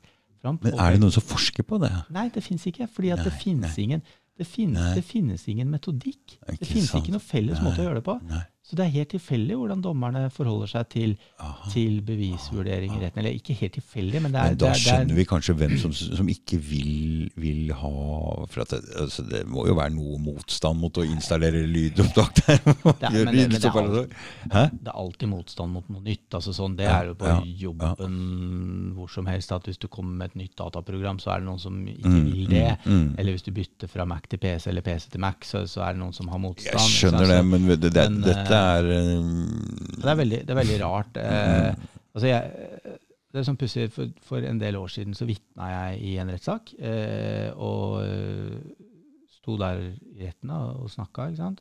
Det var jo mikrofon. Ja. kunne skru av og på mikrofonen, Ja, det var lyd ja. i høyttalerne. Det er ingen som tar opp.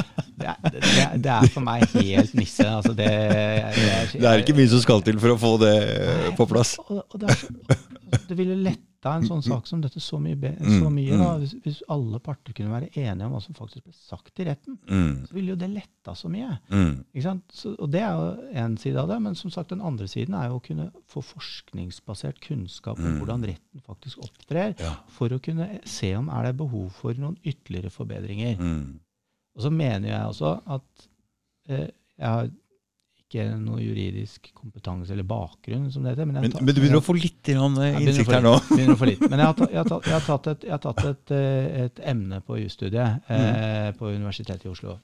Eh, og, og det er jo privatrett, altså sånn erstatningsrett og avtalerett Mm, og kjøpsrett og sånn. Mm, Eh, og da får du En viktig del av jusstudiet er jo å lese dommer. Ikke sant? Så jeg har jo lest ganske mye høyesterettsdommer. mm, Eh, og dette gjorde jeg jo litt mens jeg jobba med Baneheia-saken. Så, så tok jeg det ene mm, emnet. mm. Og Og da kunne det vært interessant å gått inn og, og gått litt dypere inn i de sakene og fått eh, avskrifter eller Ja, lydopptak. men det, men det som er interessant, er jo Høyesterett er jo liksom den viktigste rettskilden, som du sier, når det, Ja, gjelder, ja. når det gjelder presidens, altså dommer, Mm, dommer. mm. da, ikke sant? Sånn, Mm, Det er loven, og så har du lovforarbeider, og så har du liksom dommer, som er viktige, som er Mm, viktige mm. ting å vurdere når du skal vurdere om hva som er rett og galt igjen som jurist. da, ikke sant? mm, Eh, og Høyesterett de skriver jo dommene på en måte som jeg syns er veldig interessant og opplysende. For de skriver hva part A altså dette Husk at dette er sivilsaker. da, mm? Altså, okay. mm. eh, du saksøker meg for noe. Ja? Ja. mm, mm, Og, så, og så sier du hvorfor du mener at jeg må betale deg en erstatning på et eller annet. Mm. For eksempel. mm, eh, og så svarer jeg hvorfor jeg ikke skal gjøre det. mm, Eh, og, og, så, og så går Høyesterett gjennom disse sakene, og så, så skriver de hva du, altså part A, har sagt. Hvilke liksom, bevis du har ført, og hvilke argumenter juridiske du har ført. og sånn. Så tar de meg, da, part B, og så Mm. skriver de hva jeg har anført, hvilke bevis jeg har anført som støtte for min sak, og, og liksom hvilke juridiske argumenter jeg har, eh, har vist til, og hvilke dommer jeg har vist til, alle de tingene der. Og så, så da har de en skikkelig sånn redegjørelse for det. mm, Så kommer da det som kalles for førstevoterende, gjerne. da, altså det, det er jo liksom én dommer da, som skriver liksom dette, og så kommer de andre og sier at det er enig i, eller eventuelt så kommer en og sier at, eller to og sier at dette er vi uenige i, og så har de en annen vurdering. mm. Men, men poenget er at førstevoterende skriver da hvilke bevis vedkommende har vurdert, og hvordan han har eh, lagt vekt på det, og hvorfor han har gjort det, eller hun, og, og, og hvilke dommer, tidligere dommer man har tatt inn og forstått osv. Mm, En veldig sånn systematisk og grundig måte å Mm. gå gjennom bevis i sivilsaker. mm, I straffesaker så opplever jeg, når jeg leser altså de straffesakene jeg har sett på, da, det er noen etter hvert, men ikke, ikke så mange, men, men noen, så opplever jeg at det er mye mer tilfeldig. ok. Ja, altså at, at, at det er mye mer sånn altså de, de skriver Ofte så skriver de nesten sånn litt fiksjon.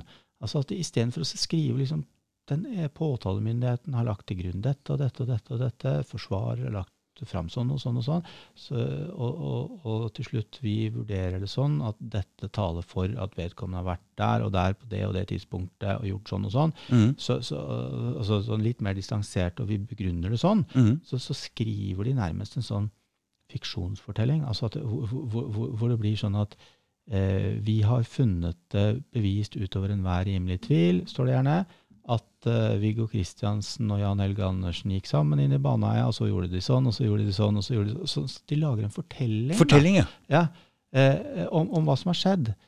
Eh, og det syns jeg er veldig pussig. For da må du begynne å se på sånne litt sånn andre ting. Da må du begynne å se på Henger denne fortellingen sammen? Er den plausibel? Altså masse sånne ting. ja. Og, og det er kan være litt tilfeldig hvilke bevis de har tatt inn, og hvilke bevis de har latt være å kommentere i det hele tatt. For det er ganske mange bevis de ikke kommenterer. Ja. Ikke? Altså, øh, og, og noen kommenterer de bare med et pennestrøk, og så sier som f.eks. at ja, nei, om den sykkelen sto ved bommen eller ikke, det kan vi ikke si noe om. ikke sant? Altså, det, ja, det er liksom Ferdig med det.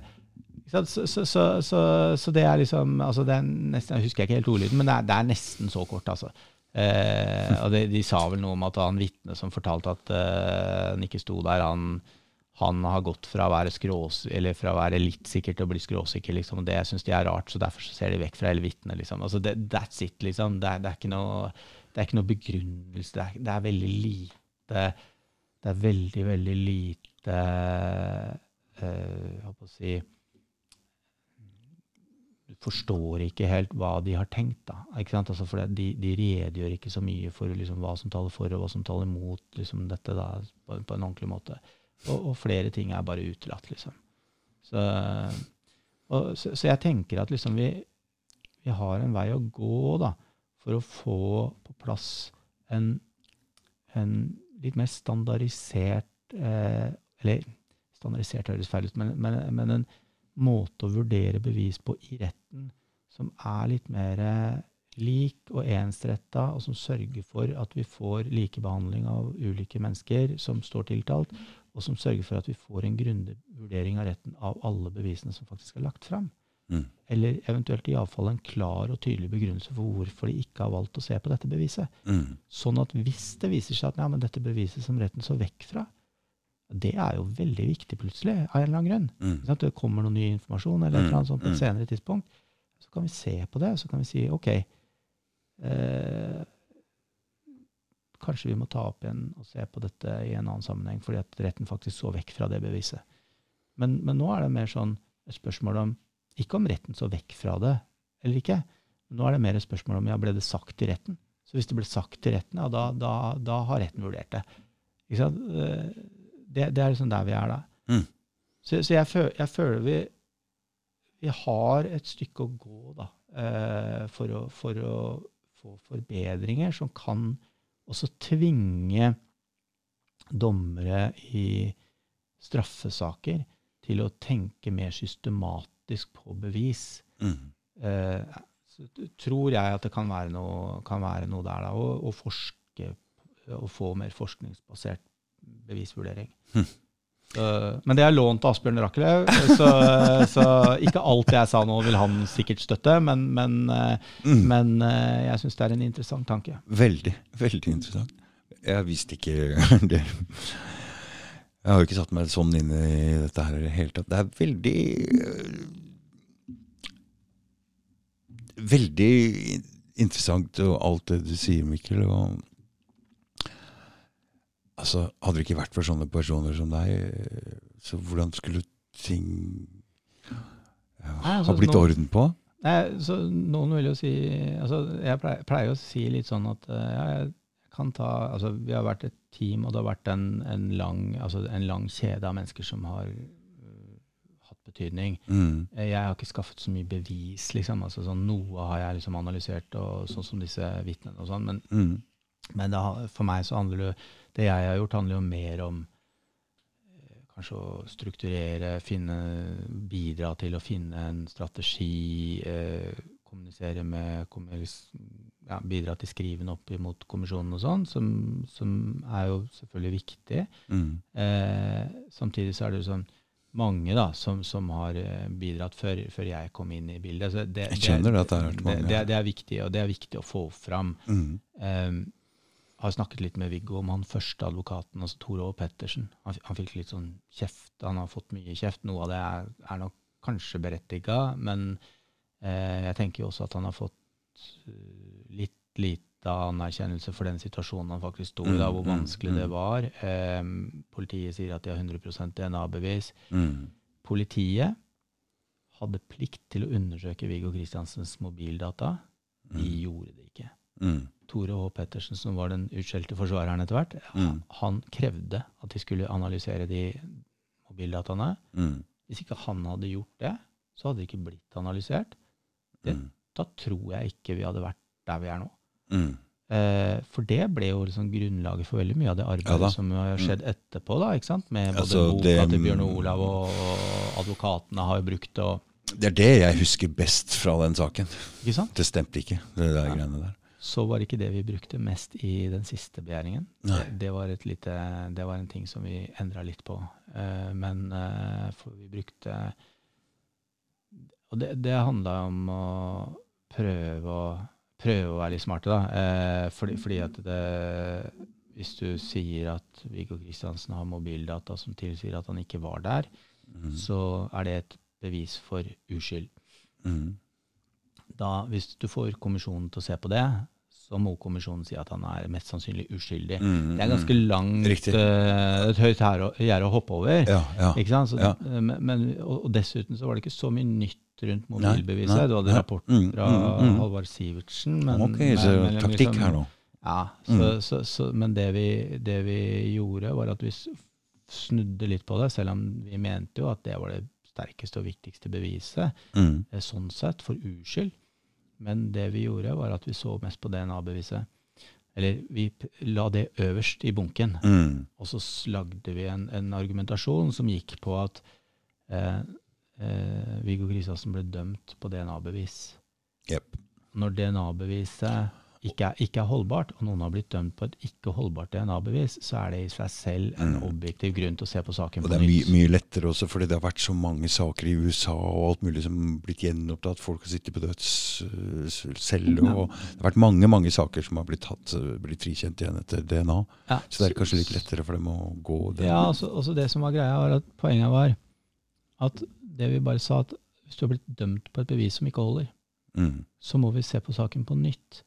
Og vi Mm. la oss på den linja at vi sa liksom veldig sånn aktivt at kommisjonen trenger ikke ta stilling til om Viggo Kristiansen er skyldig eller uskyldig for å se på. eh, for, for, eh, for å gjenåpne. For det, det som er poenget, er at vi vet ikke hva retten ville svart i dag hvis det be- DNA-beviset Mm, ikke var der. Mm, Hvis det ikke hadde vært der, mm, ja, da ville kanskje andre bevis fått større vekt, som mobilbeviset mm. eller andre Fordi ting. dere hadde kanskje for, de forrige gangene så har det vært for Ja. kraftig terskel for å ta det opp igjen. Og det er det da tre eh, av de som vurderte saken, altså kommisjonens medlemmer, Mm. som formulerer seg ganske likt som det i sin avgjørelse, og sier at logisk sett, hvis DNA-beviset får mindre vekt, Mm. så får mobilbeviset mer vekt. Og da Mm. vet vi ikke hva retten ville falt på. Mm. Dermed må vi få en ny rettsrunde. Men Mm. ingen, verken flertallet eller mindretallet, sier at Viggo Kristiansen er mest sannsynlig er uskyldig. De bare sier at det, det, vi kan ikke lenger utelukke Mm. at retten ville komme til et annet resultat. Mm. Så det var liksom terskelen. Prisen vi måtte betale for det, var jo at eh, alle som leste avgjørelsen, kunne si at jo, jo, men de sier jo ikke at han er uskyldig. Nei, nei, Ikke sant? nei. Men, men i mitt hode iallfall, og flere, sånn flere andre også tenkte, Lettere å ta den inn. så var tanken at den høye terskelen Mm. er egentlig å få gjenåpna saken. Mm. Eh, Mm. For når saken blir gjenåpna, så er det fryktelig mye vanskeligere for påtalemyndigheten å hevde det samme i åpen rett, som de Mm. skriver i et sånt skriv i en lukka eh, Mm, mm, kommisjon, ikke sant? hvor ingen vil ta i det av media og sånn. I åpen rett så blir dette noe helt annet. Og så Ja, ja, ja. si disse tingene når du møter motstand med en gang. Så, så, og jeg var jo av den oppfatningen at denne saken vil ikke påtalemyndigheten gå i retten med. Eh, i, altså, når den, da den ble gjenåpna, så tenkte jeg at bevisene er så svake mot Viggo Kristiansen. Mm. Denne saken går det ikke rett med. hvis de ikke klarer å få noen nye bevis mot han. Mm. Det er avhengig av det, tenkte Mm, jeg. mm. Eh, og, og jeg var jo på ingen måte aleine om å tenke det. Men jeg trodde jo ikke at kommisjonen kom til å gjenåpne saken, for jeg trodde det var for mye prestisje i det. Mm. Jeg opplevde for mye motstand i kommisjonen på en del ting, som jeg ikke har fortalt nå, men som kunne fortalt masse annet også rundt det, som jeg mener er ganske kritikkverdig i det de holder på med. Mm.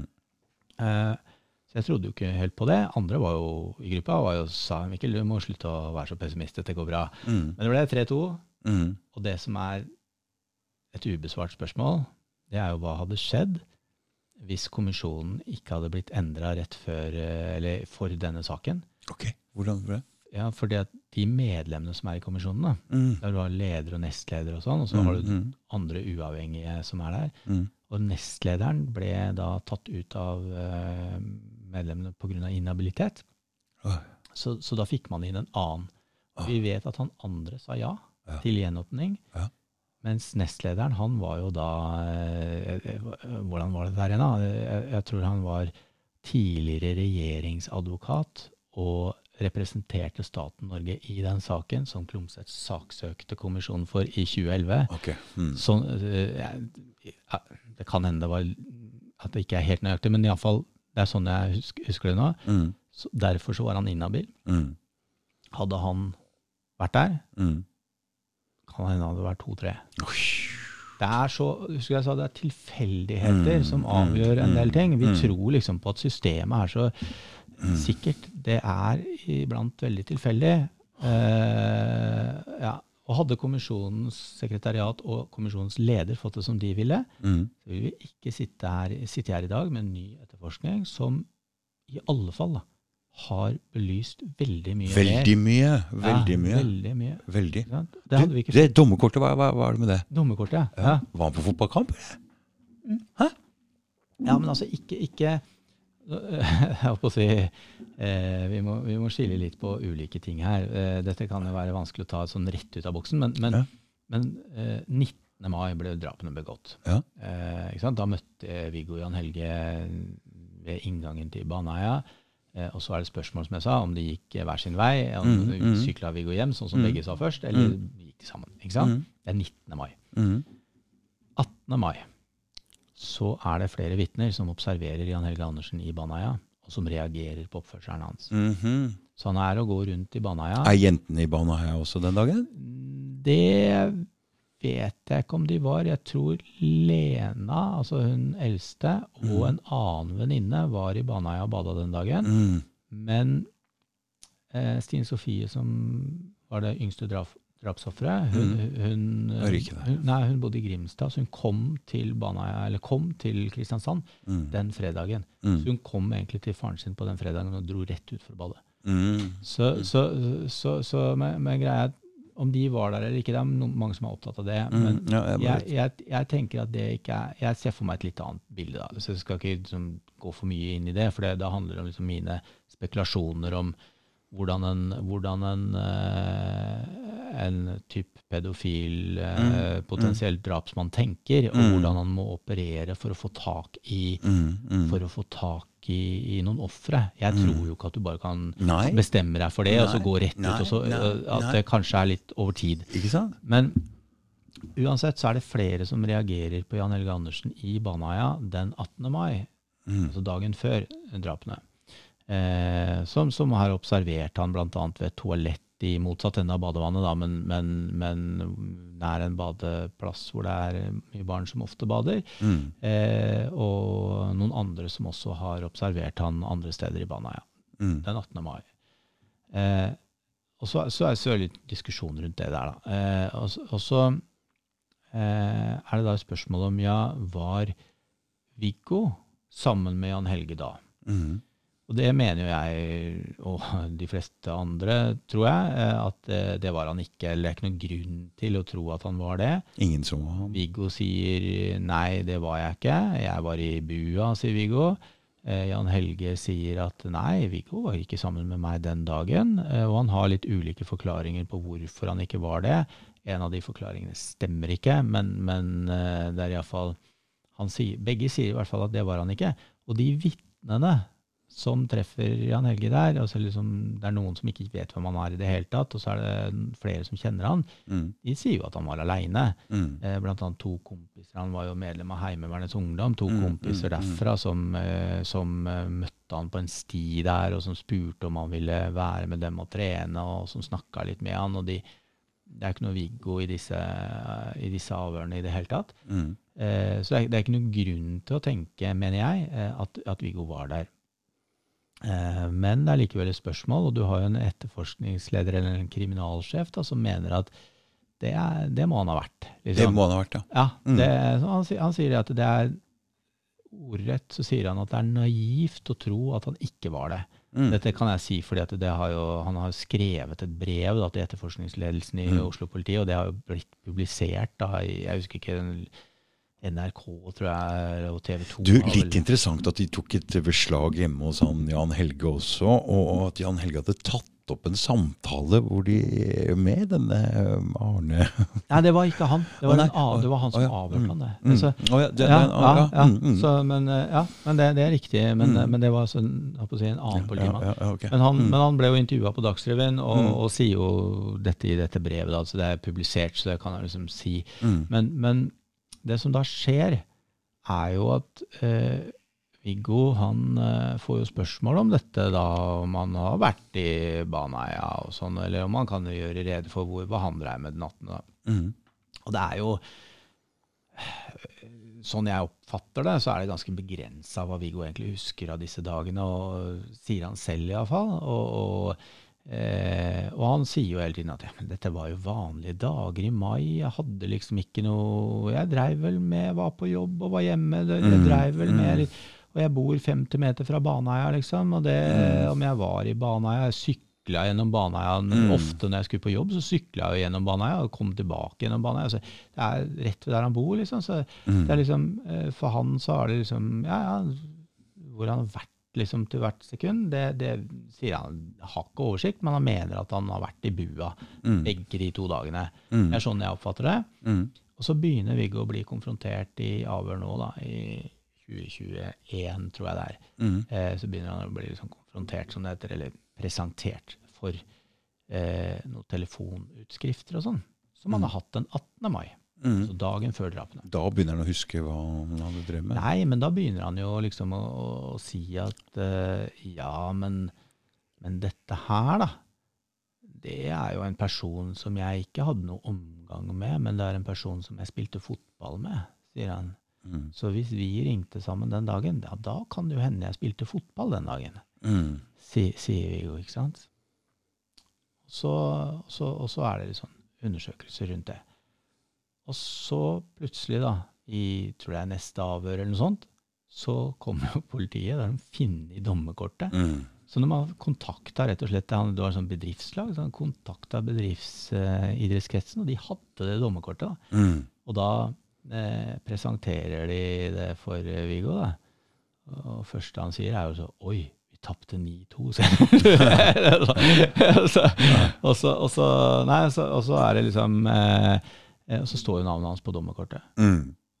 Og da eh, Det er klart at da må han jo prøve, liksom, prøve å huske noe rundt det. da. Det blir jo selvfølgelig litt spekulasjoner. og ja, nei, men da han ser jo på klokkeslettene på disse dommerkortene og, så- og prøver på en måte å bidra og hjelpe Mm. politiet til å fylle ut hullene. da. Mm. Men, men det er jo da sant, et, et ganske tydelig dokument da, som viser at Viggo har, eh, Viggo har eh, holdt på med noe annet enn å være sammen med Jan Helge Baneheia den 18. mai. Mm. Eh, Og dette kunne politiet i Agder egentlig dratt litt i sjøl.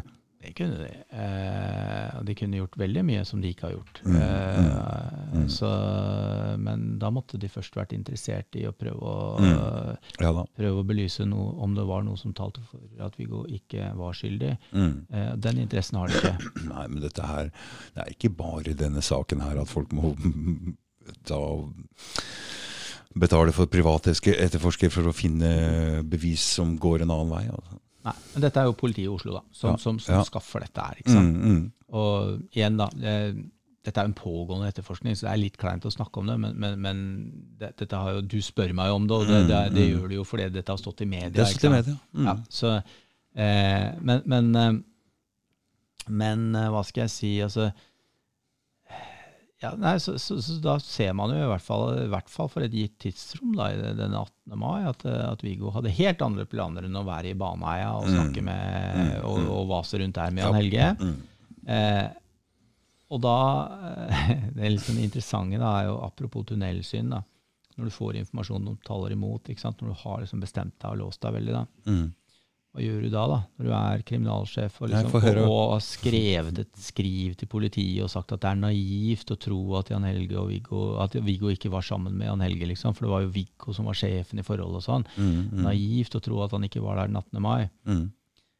Nei, da sier han at ja, ja, men det kan jo godt hende at han da har eh, beordret Jan Helge til å være i Baneheia. Så har han selv løpt og spilt fotball, og så har han kommet tilbake igjen etter det.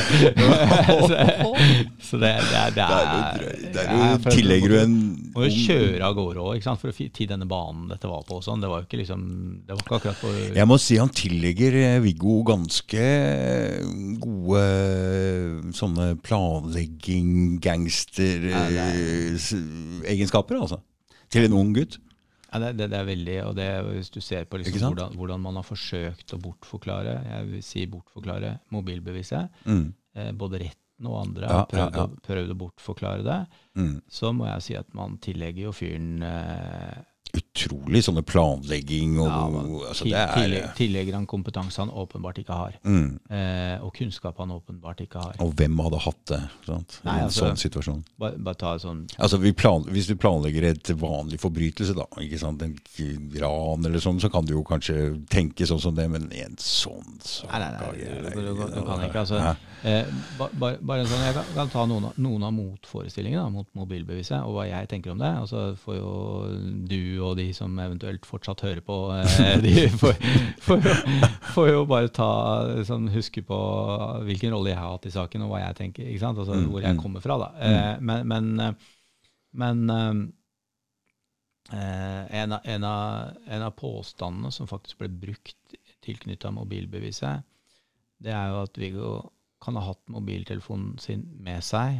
til åstedet, mm -hmm. og så da ha løpt Nei, unnskyld, at han har lagt mobiltelefonen sin i sykkelveska ved bommen. Mm. Eh, ikke sant? Altså, mm. jeg, Som da er et stykke utenfor Baneheia, men mm. som ligger liksom akkurat innafor dekningsområdet til det, mm. denne, denne, mm. basen som man har trafikk over. da. Mm. Eh, og så er det liksom for der er det mulig da, å nå, At, å nå, å nå, den, basen. Eh, nå mm. den, andre basen. Det er mm. andre baser som dekker det området også.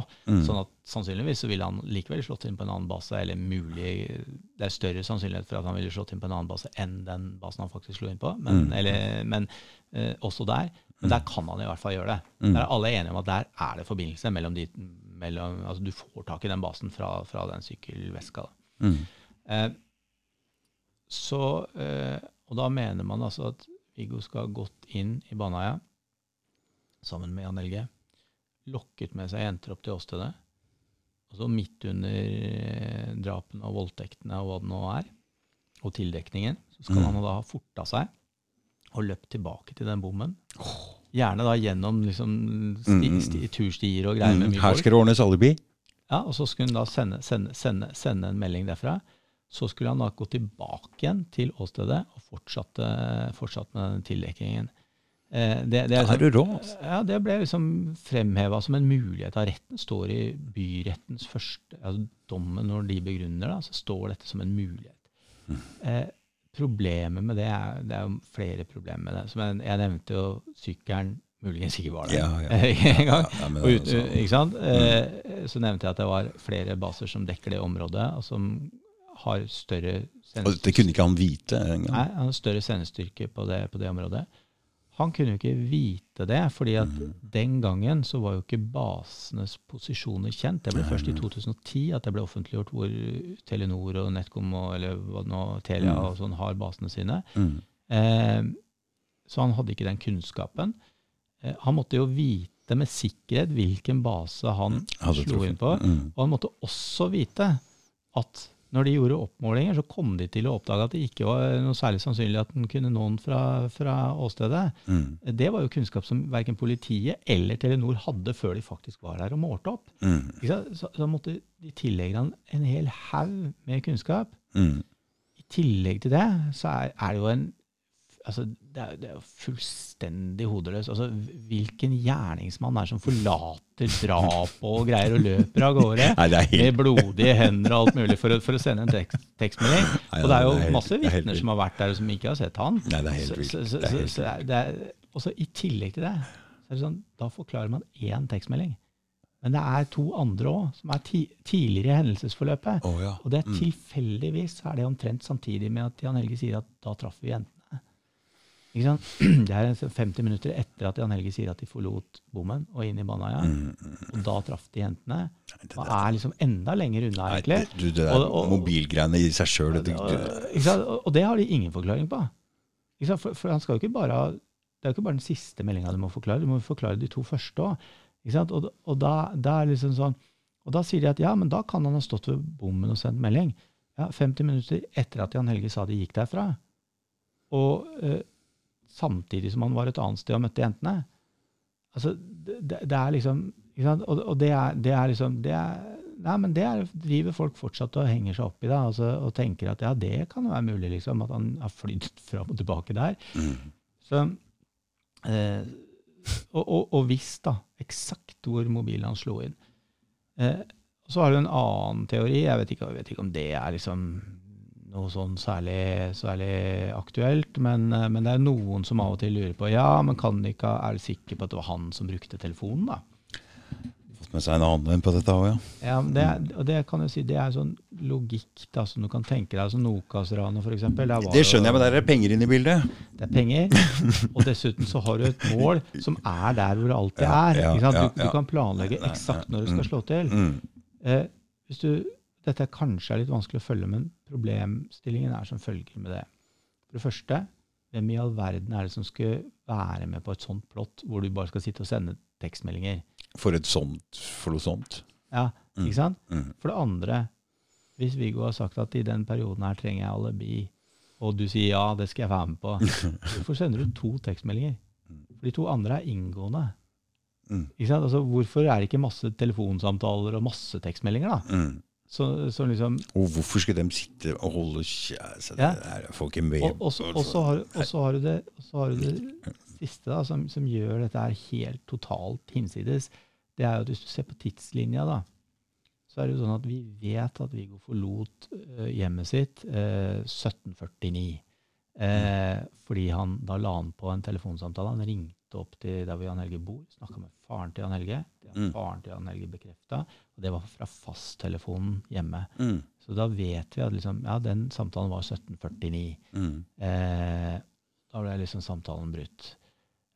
Og så vet vi at et vitne observerer han, kommer syklende opp til denne parkeringsplassen utenfor Baneheia Mm. eh, noen minutter seinere. Altså, vi vet liksom det. Eh, og det er et vitne som har observert han der oppe også, sammen med Jan Helge. Det er, altså, det er to vitner. eh, Et vitne som kom bort til dem og snakka med dem og fikk teste sykkelen til Viggo litt sånn forskjellig. ikke sant? Mm. Eh, som, så, så, så vi har sånn gode vi har, vi har godt koll på de nei, de, de tidspunktene der. ikke sant? Så vi vet at det, dette er klokka seks, så er han på parkeringsplassen ved, eh, utenfor Baneheia, og da har han allerede forlatt hjemmet sitt. Hvis han derifra gikk inn i Baneheia, ja, da må han jo allerede ha Og det er en annen person som har telefonen. Da må han jo allerede ha gitt fra seg den telefonen til person nummer tre, da. Mm. Ikke sant? Mm. Da må han ha gjort det 1749, da. Da er altså da disse to jentene fortsatt ikke kommet hjem. Ikke sant? På, de bor på motsatt side av Baneheia. Mm. De, de er fortsatt ikke hjemme. De kommer hjem ca. klokka seks, og så Mm. bestemmer de seg for å dra ut og bade. Mm. Hvordan i himmelens navn skulle den tredje personen vite på eksakt hvilket tidspunkt Ja, ja, det- Viggo skulle møte de to barna? Nei. Eh, det, det er ingen muligheter for det. Mm. Ikke sant? Altså, øh, det, så så det, dette er jo bare, altså, dette er bare helt hinsides. Og, og påtalemyndigheten har jo egentlig aldri heller vært inne på det. Det er ingen som, det, det sporet er bare liksom sånn på å si Facebook eh, og, og, enkelte som prøver å diskutere det, og jeg har sett det i noen podkaster og sånn, men som, oh, ja. som, av mm. naturlige grunner tenker liksom Ja, er det noen andre muligheter her? Mm. Det er ikke mm. unaturlig å tenke det, men det er, det er et uh, og det er forskjellen på Nokas. ikke sant? Nokas visste man jo ja, hvor ja, var, og når man skulle slå mm, til. Mm. Dette var jo ikke mulig å vite, at det skulle, at det skulle være noen drapsofre akkurat den dagen. ikke sant? Og mm. akkurat på de tidspunktene. Det var ikke mulig. Nei, nei, men en organisert bande med så mye penger klarer å, klarer å planlegge litt. Når det ikke er noe penger og en sånn grotesk handling inne i bildet, så er det ingen som vil være med på det. Nei, nei, nei. Og hvis det var en tilfeldighet, da Ta det, da. Ja, Det kan jo ha vært en eller annen som tilfeldigvis hadde snubla over telefonen til Viggo og sånn, mm. eh, og brukt den. Ja, men hvorfor ville ikke den personen sagt det, da? Mm.